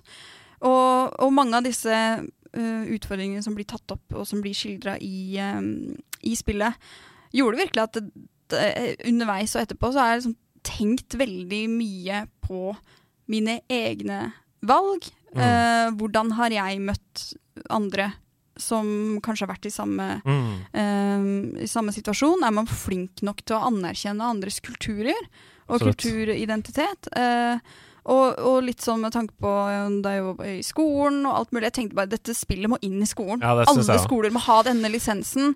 Fantastisk. Dette er jo en skoletime, liksom. Eller Ja. dobbelttime, da. Og så diskutere etterpå. Mm. Perfekt. Jeg tenker vi at vi skal inkludere det i sommerskolen her på Hon neste år. Ja. Eh, 100 liksom. Mm. Ok, hvis vi skal gi en karakter til gameplay fra 0 til 25 Det gir jo liksom ikke så mye mening i dette spillet, for det er ikke så gameplay-heavy. Men det som er å spille her, altså hvordan er det du løser disse puzzlene og sånn? Greia er at det er faktisk eh, Opplevde jeg, da. Litt dypere enn man skulle tro i begynnelsen. For at du, det starter jo hele med at du spiller eh, mor i huset, og hun har jo da fått kokebok fra sin mor igjen. Mm. Og der er det selvfølgelig masse tilgrisede flekker, og det er ting som har forsvunnet. og Sånn, så du må, noe må du på en måte prøve å feile litt fram på uh, Mm. sjøl. Mm. Og der opplevde jeg at det, sånn, det var litt interessant. For Mm. da sto jeg plutselig litt sånn ved, ved, ved, på kjøkkenet sjøl. Mm. Jeg lærte masse. Ja, jeg måtte tenke sånn, men faen, ok Hvis ikke den deigen skal gå til helvete, hva kan okay, Ja, sånn, ja. Mm. Ah, så ble det Her må jeg skru opp varmen, selvfølgelig, ja, for at den ikke skal henge seg ja, det, fast. det blir ikke en sånn uh, Hva kaller man det? En Sånn quicktime event? Nei. Uh, der man bare skal mashe buttons og bare komme seg videre. Mm. Uh, du måtte Det blir vanskeligere og vanskeligere. Etter, hvert- etter hvert så må du Spesielt du skal lage en sånn layered biryani. Ja. Ja, var gøy! Og der uh, måtte, Der klødde jeg meg litt i hodet. Ja, Jeg syns raketten var gøy òg. ja. Sant? Så eh, jeg vil si at gameplay-elementet for å egentlig bare være en sånn katalysator for storytellingen, var eh, engaging for min del. Ja, for meg òg. Det, det er en veldig Lite- tilfredsstillende loop der, fordi det er, det er ikke så lange cutscenes. Så de er, som du sa i sted, de er veldig fokusert. Altså Det er enkeltsetninger med masse vekt der, sånn som at han han spiser ikke matpakka si, Mm. fordi du skjønner at han er flau over å Mm. åpne sin matpakke hjem når de andre har brødskive med gulost, Mm. og så kommer han med noen sånne risballer og, Ja, ja. Og lammekjøtt. Og, Han vil ikke lukte ja, han vil, krydder og han vil ikke lukte annerledes og så videre. Altså det, det treffer veldig godt Mm. på, på meg som forelder. Og, Veldig. Trenger en karakter på gameplay. Uh, gameplay for meg, altså det lille som er der, og i den formen det, er- det vil si 20, jeg, altså. Ja, jeg er også 20. Jeg er også 20 Jeg er glad for at det ikke er mer enn der òg, for det, historien må få skinne fram. På deg. Ja, det er minimalistisk og fint. 17 17. 17 fra Yokato. Ok, innlevelse, glemme tiden-faktor. Story, hvis det er story. Jeg syns jo dette umiddelbart lærer meg, som jeg nå har sagt, da, et, et um, synspunkt som jeg aldri har hatt. Jeg har aldri kunnet stille meg i disse skoene før, og det var utrolig viktig for meg. Jeg likte storyen. Mm. Jeg liker hvordan det runder av også. Kanskje litt brå slutt, men um, jeg ble veldig sugd inn i det, og bare runda jo hele spillet. Mm. Så de har jo glemme tiden-faktoren er jo umiddelbart til stede. Uh, kunne vært litt lenger, men jeg er på 19, liksom. Og for meg, for meg er det full pott. Ja! Eh, Perfekt! Av den grunn at idet det hadde gått ti minutter, så var jeg helt sånn Men dette skal jeg se hvordan ender. I, Ja. i dag. Mm. Eh, jeg er investert som faen. Så jeg, dette skal jeg bare eh, Ungene mine kommer ikke hjem før klokken seks. Jeg skal klare det innen det, liksom. Ida, karakter? 23. 23. Og Ja. Jon Cato? Jeg gir det 20. 20. Så er vi på lyd og bilde, musikk, og den syns jeg er helt fantastisk. Yes. Utrolig kul indisk musikk. eh, og variert. Mm. Eh, og når hun skrur på radioen for Ja. å lage mat For det blir jo et sånt rituale eh, når hun skal lage mat. Skru på radioen. Ja. og Da er man liksom I modus. Da Ja. er det liksom uh, food making time. Oh yeah. Og så liker jeg òg uh, lydleggingen, lyddesignet. Mm. Uh, bare den små Hun har eh, Altså, hun mor har noen sånne bangles Mm. rundt, Mm. eh, eh, rundt hånden, og hver gang hun på en måte stryker han eller gjør noe, så hører du de liksom klirrer litt. Mm. Eh, som jeg synes sånne Små, subtile, fine Ja, lyder. men også når du lager maten. Det er mye gode Mm. frese og putre Ja, ja, og, og sildrelyder som gjør at jeg nesten kunne lukte den indiske Mm. maten til slutt. Mm. Jeg syns også den visuelle stilen er veldig kul. Uh, det er jo en tegneserieaktig stil, liksom. Mm. Men det sitter for meg, altså. Jeg har 25 jeg, på Ja. dette. Ja, jeg, eh, jeg kan være med på full pott der også. Fantastisk. Hva med deg, Ida? Nei, jeg har ikke noe å utsette på det. Eh, nei. Ja. Full pott. Kjør. Ja, 22. 22. Jon Cato har holdt på så lenge at for han så må det virkelig riste i ryggmargen for at det skal være Mm. Men da er det det siste punktet her, da, Stian, som du er opptatt av. Hvor gøy er det? Gøy-faktor. Ja, for så, det er jo vanskelig å svare på. For det, om det er drita gøy, det er det jo Det er jo ikke dritgøy. Nei, men det er jo viktig for oss, da, i Ja. NL. Men eh, For det, det er jo så Det er jævlig engasjerende. Altså, Ja. jeg gråt to ganger i løpet av de, Jeg de var så timene. veldig rørt, altså, Ja. av dette spillet. For gjerne pappahjertet Ja, så reiv ganske godt. Altså. Og bare hele denne tanken For du sier sånn Det er jo en måte å formidle at eh, mat er kultur og alt Mm. mulig, men det er også liksom en måte å, eh, å formidle at eh, hvor viktig mat er i familien. Mm. At den der den, hva, Jeg begynte å tenke sånn Hva skal være lukten som på en måte min sønn savner Mm. når han er på har flyttet til Stavanger, liksom? Mm. Eh, skal det være sånn Å, oh, det der lagde fatter'n hele tiden, liksom. Og han var, altså, det, det er så viktig, da. Mm. Mm. Denne lukten som gjør at du blir transportert tilbake til eh, den gangen du eh, var syk, eller alt det Mm. greiene der. Hvis, Så vi, hvis vi oversetter gøy til på en måte bare sånn spillopplevelsen generelt, da. Hva så var du Koste du deg, liksom? ja, men Altså, jeg koste meg, ja. jeg Jeg koste meg eh, skikkelig, så jeg, jeg, kan, gi det, jeg kan gi det en eh, Gi den 18 der, da, på gøy, 18. på en måte. ja, jeg har 20. Ja. Uh, hva har du, Ida? 22. 22 på deg. Ja, hvis vi ikke tenker på dette som, som hva er gøy Ja. Men liksom jeg, jeg koste meg skikkelig. Ja, jeg ligger også på eh, 20 der. Og det, det gøy er litt sånn Det er vanskelige Mm. begrep, ikke sant? Fordi med Among the Sleep, når jeg var i Krillbite, der vi, de brevene vi fikk, sånn håndskrevne brev fra Her beskriver du barndommen min. Mm. Vokse opp med alkoholisert mor. Og Mm. dette hjalp meg å bearbeide de følelsene. Eller folk som bare sier 'Jeg spilte to minutter, jeg skjønte med en gang hva som skjedde her'. Mm. Ja. Var alkoholisert igjen. Ja, ja. Altså, det, det der med at du treffer Mm. noe hos folk, Mm. og at folk som ikke har vokst opp i det, kanskje kan få en, en forestilling om hvordan, hvordan det kan være, det, det er utrolig potent. Så Det er det, det. det blir feil å bare bruke gøy. ja, det er akkurat det. sånn. Det er Og med det så har vi kommet fram til en samlet karakter. 85,25 Ja. får Venba av nerdelandslaget. Med andre ord en klar anbefaling! Ja, ja. Kjempestempel. Gå og spill Venba. Yes. Det er Venbra. Mario? Mario eller Mordor? Yes, ladies and gentlemen. Vi har kommet til eh, Mario eller Mordor. Den fantastiske spalten! Forgjenger til Gomba eller Gondo. ikke Ja, helt, helt riktig! Ja. Ja, I Mario eller Mordor så er det jo sånn at eh, Stian har forberedt um, Det er en lydquiz. Mm. Vi skal fram til en spillkarakter eller et uh, location, på en måte. Og så mm. må det være en slags fellesnevne Ja. mellom de, da. Jeg tror ikke jeg har vært med på dette. Nei, det var ikke Nei, det. det var ikke det. Var ikke det? Og dette er en konkurranse, så har du lyst til å si noe før vi gønner i gang med første lydfil? Ja, i dag skal vi til eh, karakterenes verden. Ja, vi skal til Ja. verden. Jeg Skal ikke si så mye mer enn det, men jeg kan si at det er, jeg kan si at det er tricky. Det er tricky. Jeg kan si tricky i, i alle ender. Ok. Mm. Ja, da får vi prøve, da. Her kommer den første lydfilen. Rope navnet når vi vet hvilken karakter vi skal fram til her. Welcome to the Badass Crater of Badassitude, Andreas! badass! Ja, Andreas, ja. dette er Rogue. Uh, nei, dok, uh, han uh, fra Borderlands 2, Ja, som har DLC. Eh, han heter Hva er det han heter? Han heter Hva heter han, da? ehm, Ida. Mm? Han- Colt. Nei, han heter noe med R. Rogue Rogue Nei. Det er Først, Han fikk sin egen delelse i Borderlands 2, som var en arena of destruction. Uh, Mr. Det er Jeg elsker jo han! Det er ikke han Jesus-fyren? I Borderlands 3 så spiller, spiller de masse gitar, så er det sånn Rundt bålet Nei, i Eh, Tiny Tinas Wonderlands, mener jeg. Han heter Men vi er i Borderlands. Ja da, det er vi. Han heter Open the vault and earn the title of number one badass. Han heter Mister Ja, han heter Mr. Torque. Torque! Ja! Mr. Torque! Fuck, jeg sa Rogue. Ja. Ok, da er det Ja. null poeng, da. ja. Ok. Det er null poeng, og vi går videre til neste karakter. Ja. Rop navnet, da. What the dynamite? Gideon! Ha! Look at this body of iron. Oh no, my finisher! Take this! My wrestling is unstoppable! You're going for a ride! Andreas? Ja. Det er ikke Reinhardt. Nei. Det er ikke det. Feil, feil land. ja. Men er vi, er vi i Norge? Er det God of War?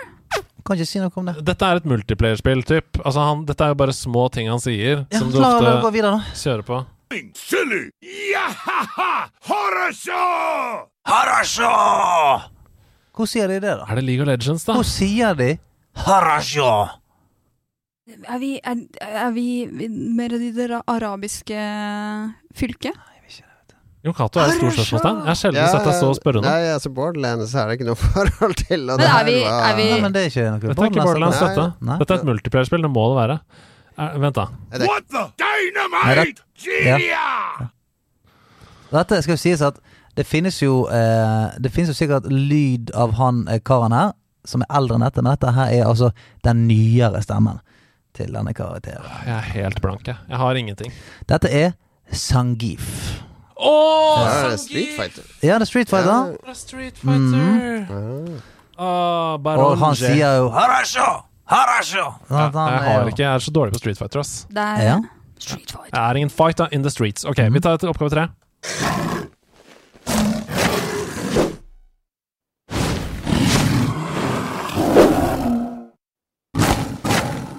Ida, Mm. er det han bjørnen i Tekken? Du er veldig nevnt. Eh, er det Puma? Du er veldig nevnt. eh, Det er Tekken 3. Det er den uh, Han kjører Tekken 3. Nei, bare kjempe. Um, Tiger! Du er veldig nevnt. Krokodillefisen. Hvem er, som, hvem er det som er en tiger, da? Frosty! Nei, Tony! Tony the Tony the Tiger! Hva er det som skjer nå?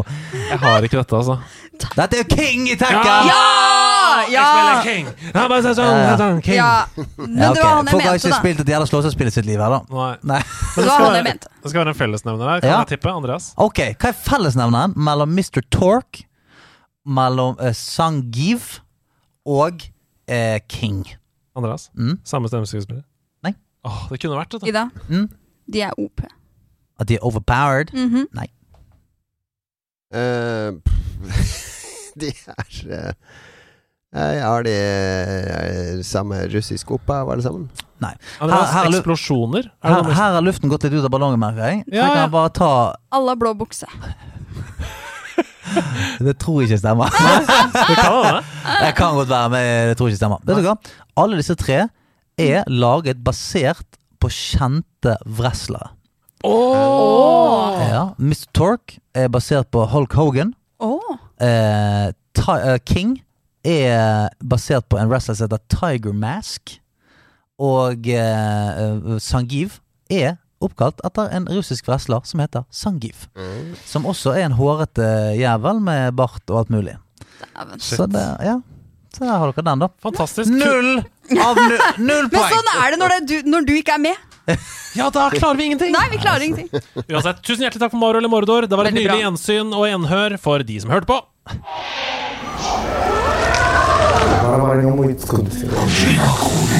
Det er selvfølgelig Kojima-koden i episode 200. Vi har hatt den i over 100 episoder, og vi kommer til å fortsette med det i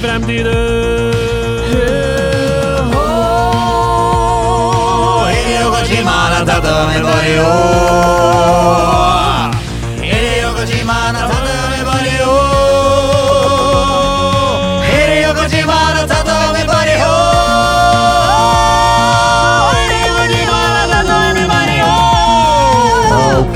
folkens. I dag har Kojima eh, Jeg har vært tunet inn på en frekvens i dag, Mhm. men jeg har vært nesten tunet ut på Kojima.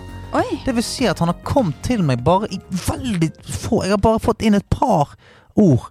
Du vet sånn som når, Hvis du hører på politiradioen, så hører du i fem, tre, sant? Det har vært jævla vanskelig. Så jeg har bare, må- i det jeg har fått inn frekvensen, så har jeg bare måttet plottet ned det som har blitt sagt. Mm. Så det er litt ehm, Det er litt fragmentert, men okay. er vi klar for første, første ledd? Ja, vi får prøve, da. Vi Ja. må slå hodene tror- sammen. samarbeide. jeg, jeg, jeg tror at begge de to tingene som har Altså, ja, jeg kan se det. Høy kvalitet på lyd! Trampolinepark. Oi. Høy kvalitet på lyd. Det første jeg tenker på, det er Forsa. Det fikk jo aldri, alltid masse Altså I forhold til Gran Turismo og sånn, så var det sånn Ja, lyden er det beste. Men trampolinepark, Er- jump Er dette en sånn samtidsteater? Trampolinepark! Men Et tre faller i skogen. Men- Shabba-dabba ding-dong. Nei, dette her er rett og slett eh, Det, det har blitt for, forsøkt å si noe til meg her. Det er ikke noe abstrakt. Men trampolineparken heter jo Jump, heter den ikke det, da? Jeg vet da faen, jeg gjør det. Gjør den det? Jeg bare tenkte på Ikke så jeg vet. Nei, det er ikke, Den det er ikke det noe sånn høyt under taket eller noe sånt. høyt og lavt. Høyt og lavt. High and low. trampoline Jeg vet ikke. Trampolinepark, spredt, høy kvalitet på lyd. Hva er det dere tenker på med spill, da? Jeg har ikke Dolby? Atmos. Atmos, Jump, Bounce Jeg har ikke sjans, jeg. Jeg har ikke peiling. Jeg vet ikke. Fordi at han kom til meg en gang til, skjønner du. Oh, ja. Og jeg tror det er samme spill han prøvde å si da. Mm. Oh, ja, ok. Ja. Rimer på sci-fi! Bandet som lagde låten Subdivisions i 1982. Hi-fi? Rush. Trampolinepark. High five. Rush! Come on, da! Rimer på sci-fi. Ja, men sant, eh, andre gang så Høy kvalitet på lyd! Trampolinepark. Rush er den heter, ikke Jump! Ja, det var High five rush. Stian Blipp, du har på deg dress, og du må løpe av gårde. Du skal kaste deg i bilen til Drammens Teater for å lage det. Kongen befaler. Jeg skal det. Tusen hjertelig takk for 200 episoder. Du, takk for 200 episoder, og skål for 500 til. Eh, kan jeg være med på én Kan jeg tippe én gang på Kojima-koden før jeg går? Ja. Så det som kommer til å skje nå, nå kommer jeg til å tippe, så løper jeg. Ja. Okay. Sant? Og hvis jeg tipper riktig, så må du bare si Elvis has left the building. Jeg sitter i bil idet applausen går. Greit. Ok, Ja. neste, altså Kojima-koden som jeg fikk tilsendt på mine radiobølger eh, denne gangen, det er kun ett ledd. Oi. Oi. Men det er jævlig bra. ok. Da får vi høre, da. Jeg har fått tilsendt, jeg også.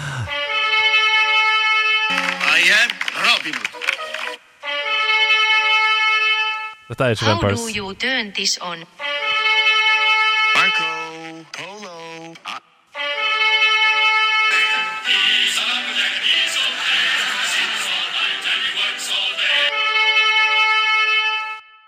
Altså, den lyden. Det er jo Age of Empires. Ja, og I'm a lumberjack and he's okay. Det er lumberjack, sant? Det er folk som hogger trær og sånt, ikke det? Ja. Og Marco Polo. Marco Polo? Ja, og utforsker. var-. Se- Settlers. Ja. Uh, of Empires. Colonization. Mm. Ja. ja! Skal vi svare det? Age of Empires 2? Det var noe Robin Hood òg i starten der. Ja, men er det pga. pilskytere? Ja, det er det jo! Archers! Ja. Men eh, eller er det Hun tenker alltid på Settlers. Hun har det til, til brystet sitt. Det er nok det. Age of Empires eller Settlers? Du bestemmer, Jon Cato. Settlers. Svaret er det dere hørte nå. Det var altså da cheat codes til Age of Empires 2. Så svaret er Age of Empires 2! Forlat the buildings Oh! Det er helt nydelig. Fantastisk eh. Kojima-kode, og takk for innsatsen. Um, uh, det er jo helt vanskelig å beregne tid når man har en sånn jubileumsepisode med masse innhold osv. Så, videre. Eh, så sånn blir det. Men det betyr jo bare mer uh, kos til dere som hører på og ser på osv. Og, og Ida og Jon Cato og jeg, vi skal ro dette i land oh, ja med både korktavlespørsmål og troféskap. Så ikke skru av enda, for her skjer det mye mer gøyale ting.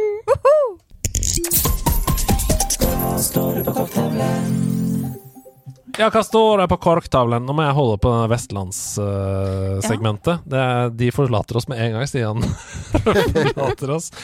Vi har kommet inn masse spørsmål selvfølgelig på korktavlen denne uka også. Uh, Arviz, um, vi kan ta to på rappen her, som er liksom mest i oss, egentlig. Ida. -hmm. uh, beste minne eller øyeblikk fra en av de 200 første episodene? Gratulerer med 200, spør sier Arviz. Tusen takk, Arviz. Tusen veldig, veldig takk. hyggelig. Det er så mye å ta av. Ja, det er så sinnssykt mye å ta av. Jeg må um, Altså, det er jo sånn fristende å trekke fram Veldere Stream og de, men det er jo ikke episoder. nei. Eh, men det er jo Åh, eh, Jeg syns jo første, første episoden jeg var med, var Ja, jo bare veldig sykt gøy å få lov til å være med. Eh, og DS-spillet som du la, la, la, la igjen der. Wrestling-spillet med Jack Black. Nacho Nacho Libre. Libre, fy fader, det Elendig spill på DS. Uh, men vi har, hatt, nei, vi har hatt så utrolig mange flotte øyeblikk, og når vi har fått tilsendt sånne helt sinnssyke gaver Ja, og er greier det, Jeg blir alltid rørt av. Jeg må, si, jeg må si at for min del så har det vært fantastisk å kunne lage noe, eller gjøre noe som jeg ser at har betydd noe for andre Mm, i mm. rommet. Altså for eksempel da jeg leste opp troféskap til Carl i Level Up, altså leste opp til Level Up, som har betydd så mye for meg. Eh, Jeg hadde ikke holdt på med nederlandslaget hvis det ikke var for Level Up, Mm. det kan jeg 100 si.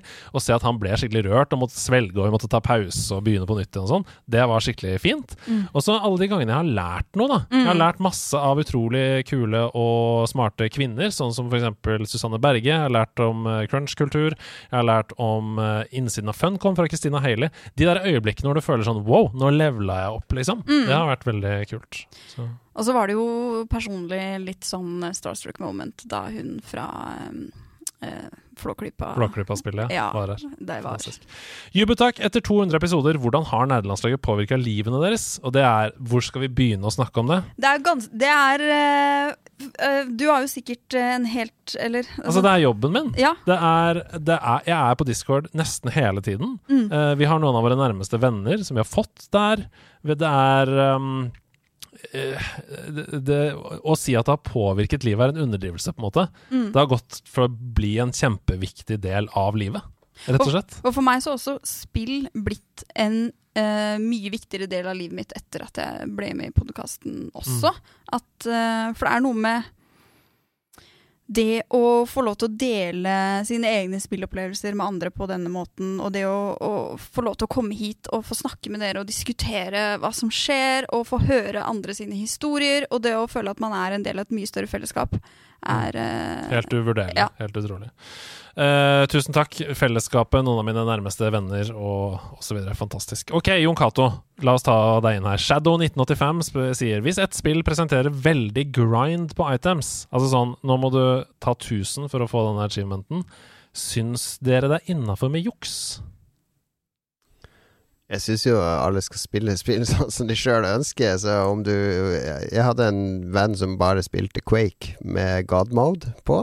Mm. For det var sånn han slappa av etter jobb. Ja. Bare løpe rundt og blaste, blaste, blaste, blaste, blaste uten å kunne dø. Mm. Det er jo ikke noe galt i å gjøre det. Altså Det er jo galt i å jukse i online-spill når du Mm. ødelegger for andre, men du kan jo ikke ødelegge for deg sjøl i et Mm. singleplayerspill. Jeg er litt enig, ass. Jeg er også veldig av oppfatningen at spill må du bare Det er jo en avslappende aktivitet som du skal kose deg med. Mm, og så er det jo Det er jo noen som spekulerer i dette, hvis, spesielt hvis spill har sånne her, eh, virtuelle valutaer som du kan kjøpe i Ja. sånne pakker og sånn. Da kommer det jo inn folk og eh, beregner hvor går grensen. Mm. Altså når er det optimalt at folk kommer til å handle? Jo, det må ta så mange timer å gjøre Mm. det manuelt.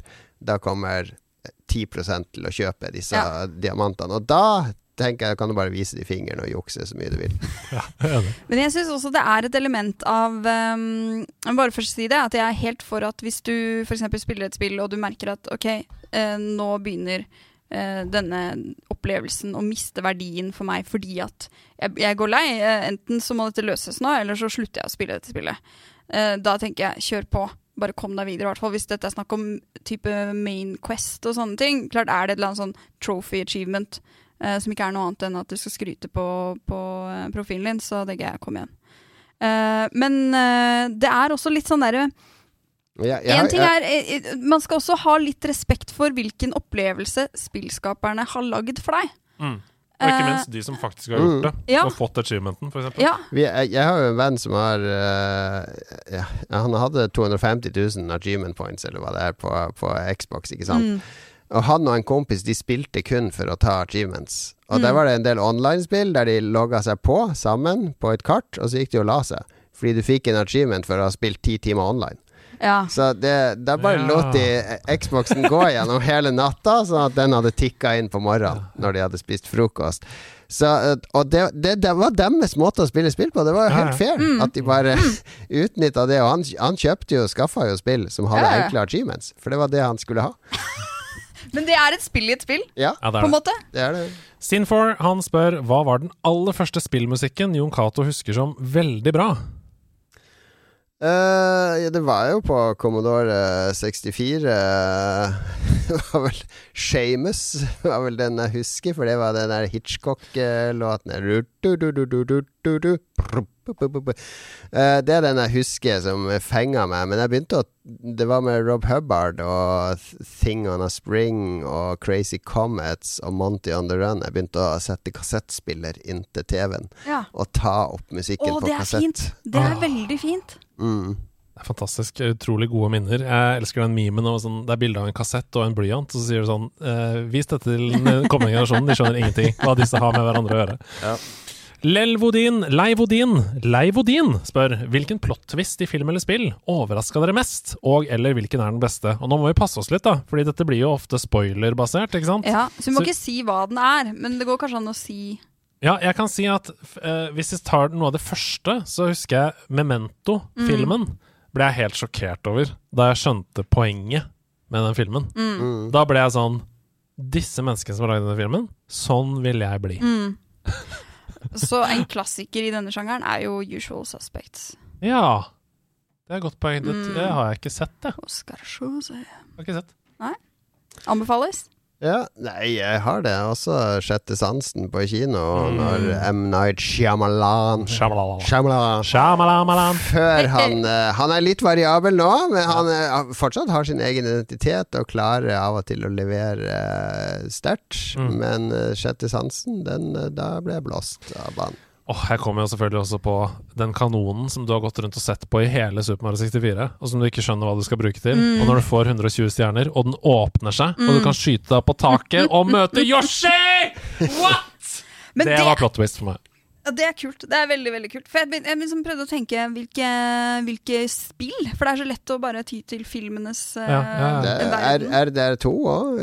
Det spilte jeg jo review-kode ikke sant Før noen hadde rukka Ja. å spoile noe på nettet. Mm. Da spilte jeg jo, i, i motsetning til i sted, så spilte jeg faktisk gjennom dette, før jeg anmeldte det i Aftenposten. Og da Det var, det var tegn du plukker opp underveis, som leder er dit. Sånn, når du først kom dit og begynte å tenke etter, at dette så jeg jo egentlig komme. Dette er en helt annen opplevelse andre gang du spiller det. Mm. Mm. Mm. Fantastisk. Ok, vi tar ett spørsmål til.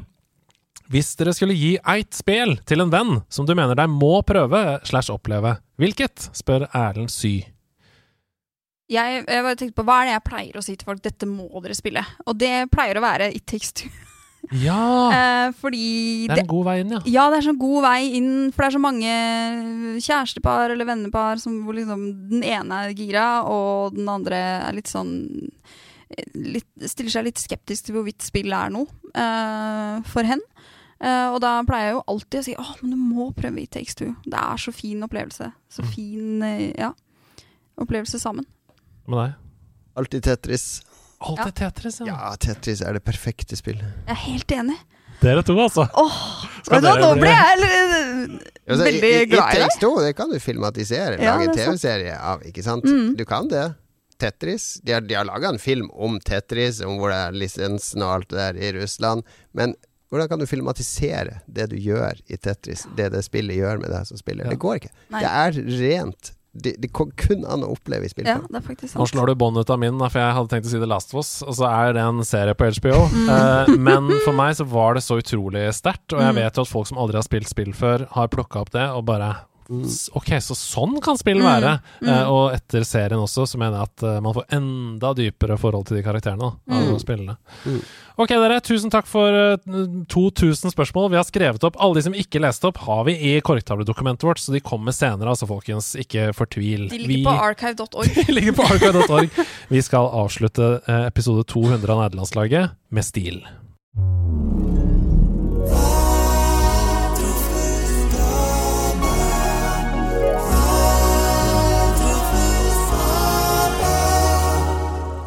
Jon Cato Lorentzen, nok en gang så har du meldt deg frivillig. Kan jeg være så snill å få holde troféskap? Hvem er vi til å si nei? Selvfølgelig skal du få holde troféskap eh, når du ber om det. Har du noe du vil si før jeg trykker i gang på musikken her? Eh, tusen takk for at jeg fikk være med nok en gang. Nå blir det en sånn 100 episoders eh, syklus med meg helt til enten jeg er død eller nederlandslaget er lagt ned. Så får vi se hva som skjer først. Det blir spennende. Ca. to og et halvt år da, eller noe sånt. til neste gang. Ja, ja, aldri si aldri. Ok, her kommer ditt troféskap.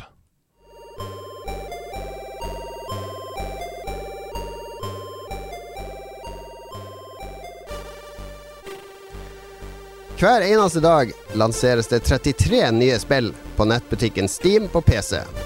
Det betyr over 12 000 splitter nye spill hvert eneste år. 12 000 drømmer, hvor kun en håndfull av dem går i oppfyllelse. Mange av disse spillene er laga av noen få personer som jakter på drømmen om å bli spillutvikler. Verktøyene er mer tilgjengelige enn noen gang. Distribusjon av spillene er ikke lenger et hinder. Alle som vil, kan prøve å lage og gi ut et spill. Men det er sykt vanskelig å lage spill. Alle som noen gang har prøvd, vet det. Og selv om man kommer over alle hindrene og lærer seg verktøyene og får til å lage et spill, er det enda vanskeligere å lykkes som spillutvikler. For hver Vampire Survivors-suksess på Steam, så ligger det hundrevis av indiespill i grøfta som nesten ingen har kjøpt eller spilt. Det her troféskapet går til alle de som har prøvd seg som spillutvikler og blitt ignorert. Alle de unge og naive som har lært seg Unity, Unreal eller GameMaker, og som alene eller sammen med likesinnede har sittet til langt på natt i måned etter måned og snekra sammen en personlig opplevelse i dataspillform, bare for å lansere den til åtte user reviews og mixed reception på Steam. Det har aldri blitt laga så mange dataspill som nå, og det har aldri vært vanskeligere å lykkes som uavhengig spillutvikler. Likevel så heier jeg på hver eneste en av dere som lager vaklevorne, halvferdige, bugger og glitchete små personlige opplevelser som bare når en håndfull mennesker i en daglig flodbølge av masseproduserte dataspill. Vi trenger disse små og sære stemmene, disse avvikene av noen spill, der noen av dem, en sjelden gang iblant og mot alle odds, bobler opp på toppen av salgslistene og viser vei for bransjen. Jeg ønsker å hylle og heie på dere som bare får åtte user reviews. Selv om du ikke har lykkes kommersielt, hvis bare én av disse anmeldelsene er positive, hvis du når bare én person, så har du utgjort en forskjell i noen sitt liv med noe du har skapt. Ingenting er mer tilfredsstillende enn det. Det er så sant! Det er så sant! Det gjelder musikk som tre hører på. Det gjelder tekster som to leser. Det gjelder så mange ting, enten det er nært eller fjernt eller hva som helst. Mm. Eh, Det, det Vet du hva? For å gå tilbake til korktavlespørsmålet. Eh, hvordan har nerdelandslaget påvirket livene deres? Det er jo det det handler om. Mm. Hver gang vi får en kommentar fra noen som sier sånn 'Det var viktig for meg. Det resonnerte hos meg. Det gjorde at jeg kom gjennom vakta på sykehuset', osv. Mm. Det er de øyeblikkene det handler om. Wow. Og jeg tenker i dagens eh, globale verden hvor, som du tar opp, det er Alle kan prøve, og alle kan få det distribuert. Uh, men det ligger så mye kjærlighet og drømmer bak hvert eneste uh, forsøk. Uh, så syns jeg det er Ja. Det er- jo så utrolig viktig. Ja. Kunne ikke skrevet det på, det på noe bedre måte. Tusen hjertelig takk for et fantastisk troféskap, og tusen takk for besøket! Nok en gang, du setter av tre timer og kommer hit en tidlig mandagsmorgen. Du må til og med avspasere tre timer fra jobb. Shit, helt ulønna. Tusen hjertelig takk, Jon Cato. Uh, vi setter veldig veldig pris på det. Håper du kommer tilbake i episode 300. Det gjør jeg med største glede. Håper dere holder koken lenge, lenge, lenge. Dere er en viktig motor i spillkulturen i Norge. Det er så hyggelig å høre. Og takk til deg som hører på. Vi kunne aldri vært den motoren uten deg. Det mener vi 100% Patron-backere, dere holder liv i min jobb. Eh, det er veldig veldig viktig for oss, så tusen takk for det. Tusen takk for at dere hører på. At dere er på discord.gg slash nederlandslaget. Snart 11 000 medlemmer! Det er så kult! Helt utrolig. Norges største norskspråklige Discord-server. Verdens største norskspråklige Discord-server, blir det jo. Så vi ses snart, folkens. Eh, digitalt, analogt i virkeligheten. Ida, du har så mange visdomsord. Hva Ja. syns du folk skal bruke uka på? Du veit hva? Eh, jeg syns eh, folk skal eh, bruke uka på å spille et spill som under ti stykker har prøvd før, og som har veldig få mixed reviews i, i kontoen. Så sjekk ut noe du aldri har sjekka ut før. Og Andreas, gratulerer med dagen. Gratulerer med dagen! Ha det bra! Ha det! Ha det! Men så ser vi jo nå Nå er den store podkastbølgen. Nå kommer alle selskapene og kaster seg på og lager kommersielle podkaster. Så vi er litt sånn bitter når det kommer en sånn kjendis og fronter en ny podkast. For oss er det litt sånn Det kommer mange podkaster hele tida, men vi bare liksom sånn eh, Kom tilbake når du har 100 episoder. Kom tilbake når du har 100 episoder. Kom tilbake når du har 100 episoder. Du har 100 episoder.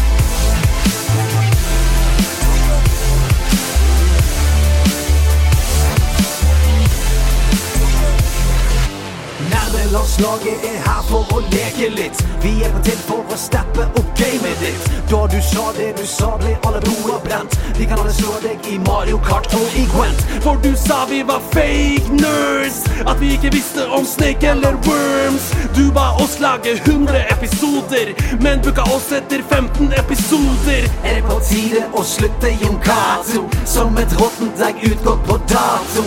Vi er et lag, og du kan ikke splitte oss. Selv om du prøver, klarer du ikke knekke oss. Om du tror vi er svakere, nei. Sammen er vi sterkere enn deg. Helt fra Bergen til Vardø til Kristiansand. Vi er landslaget i eget nerdeland. Så var vis oss hvis det gir deg glede.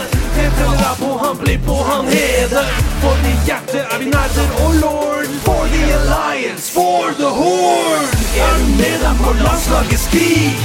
Er du nerd og er stolt av det, skrik. Du har funnet familien din, vi står sammen som Jayla og Anduin.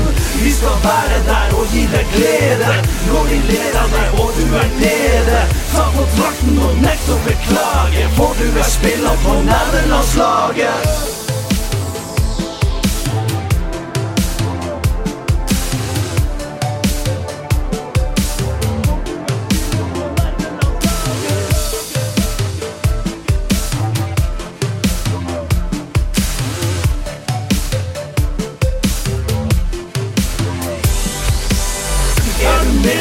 Landslaget, skrik. Er du nær og er stolt av det, skrik. Du har funnet familien din, vi står sammen som Jayla og Anduin. Vi skal være der og gi deg glede når de ler av deg og du er nede. Ta på drakten og nekt å beklage, for du er spiller på nerdelandslaget.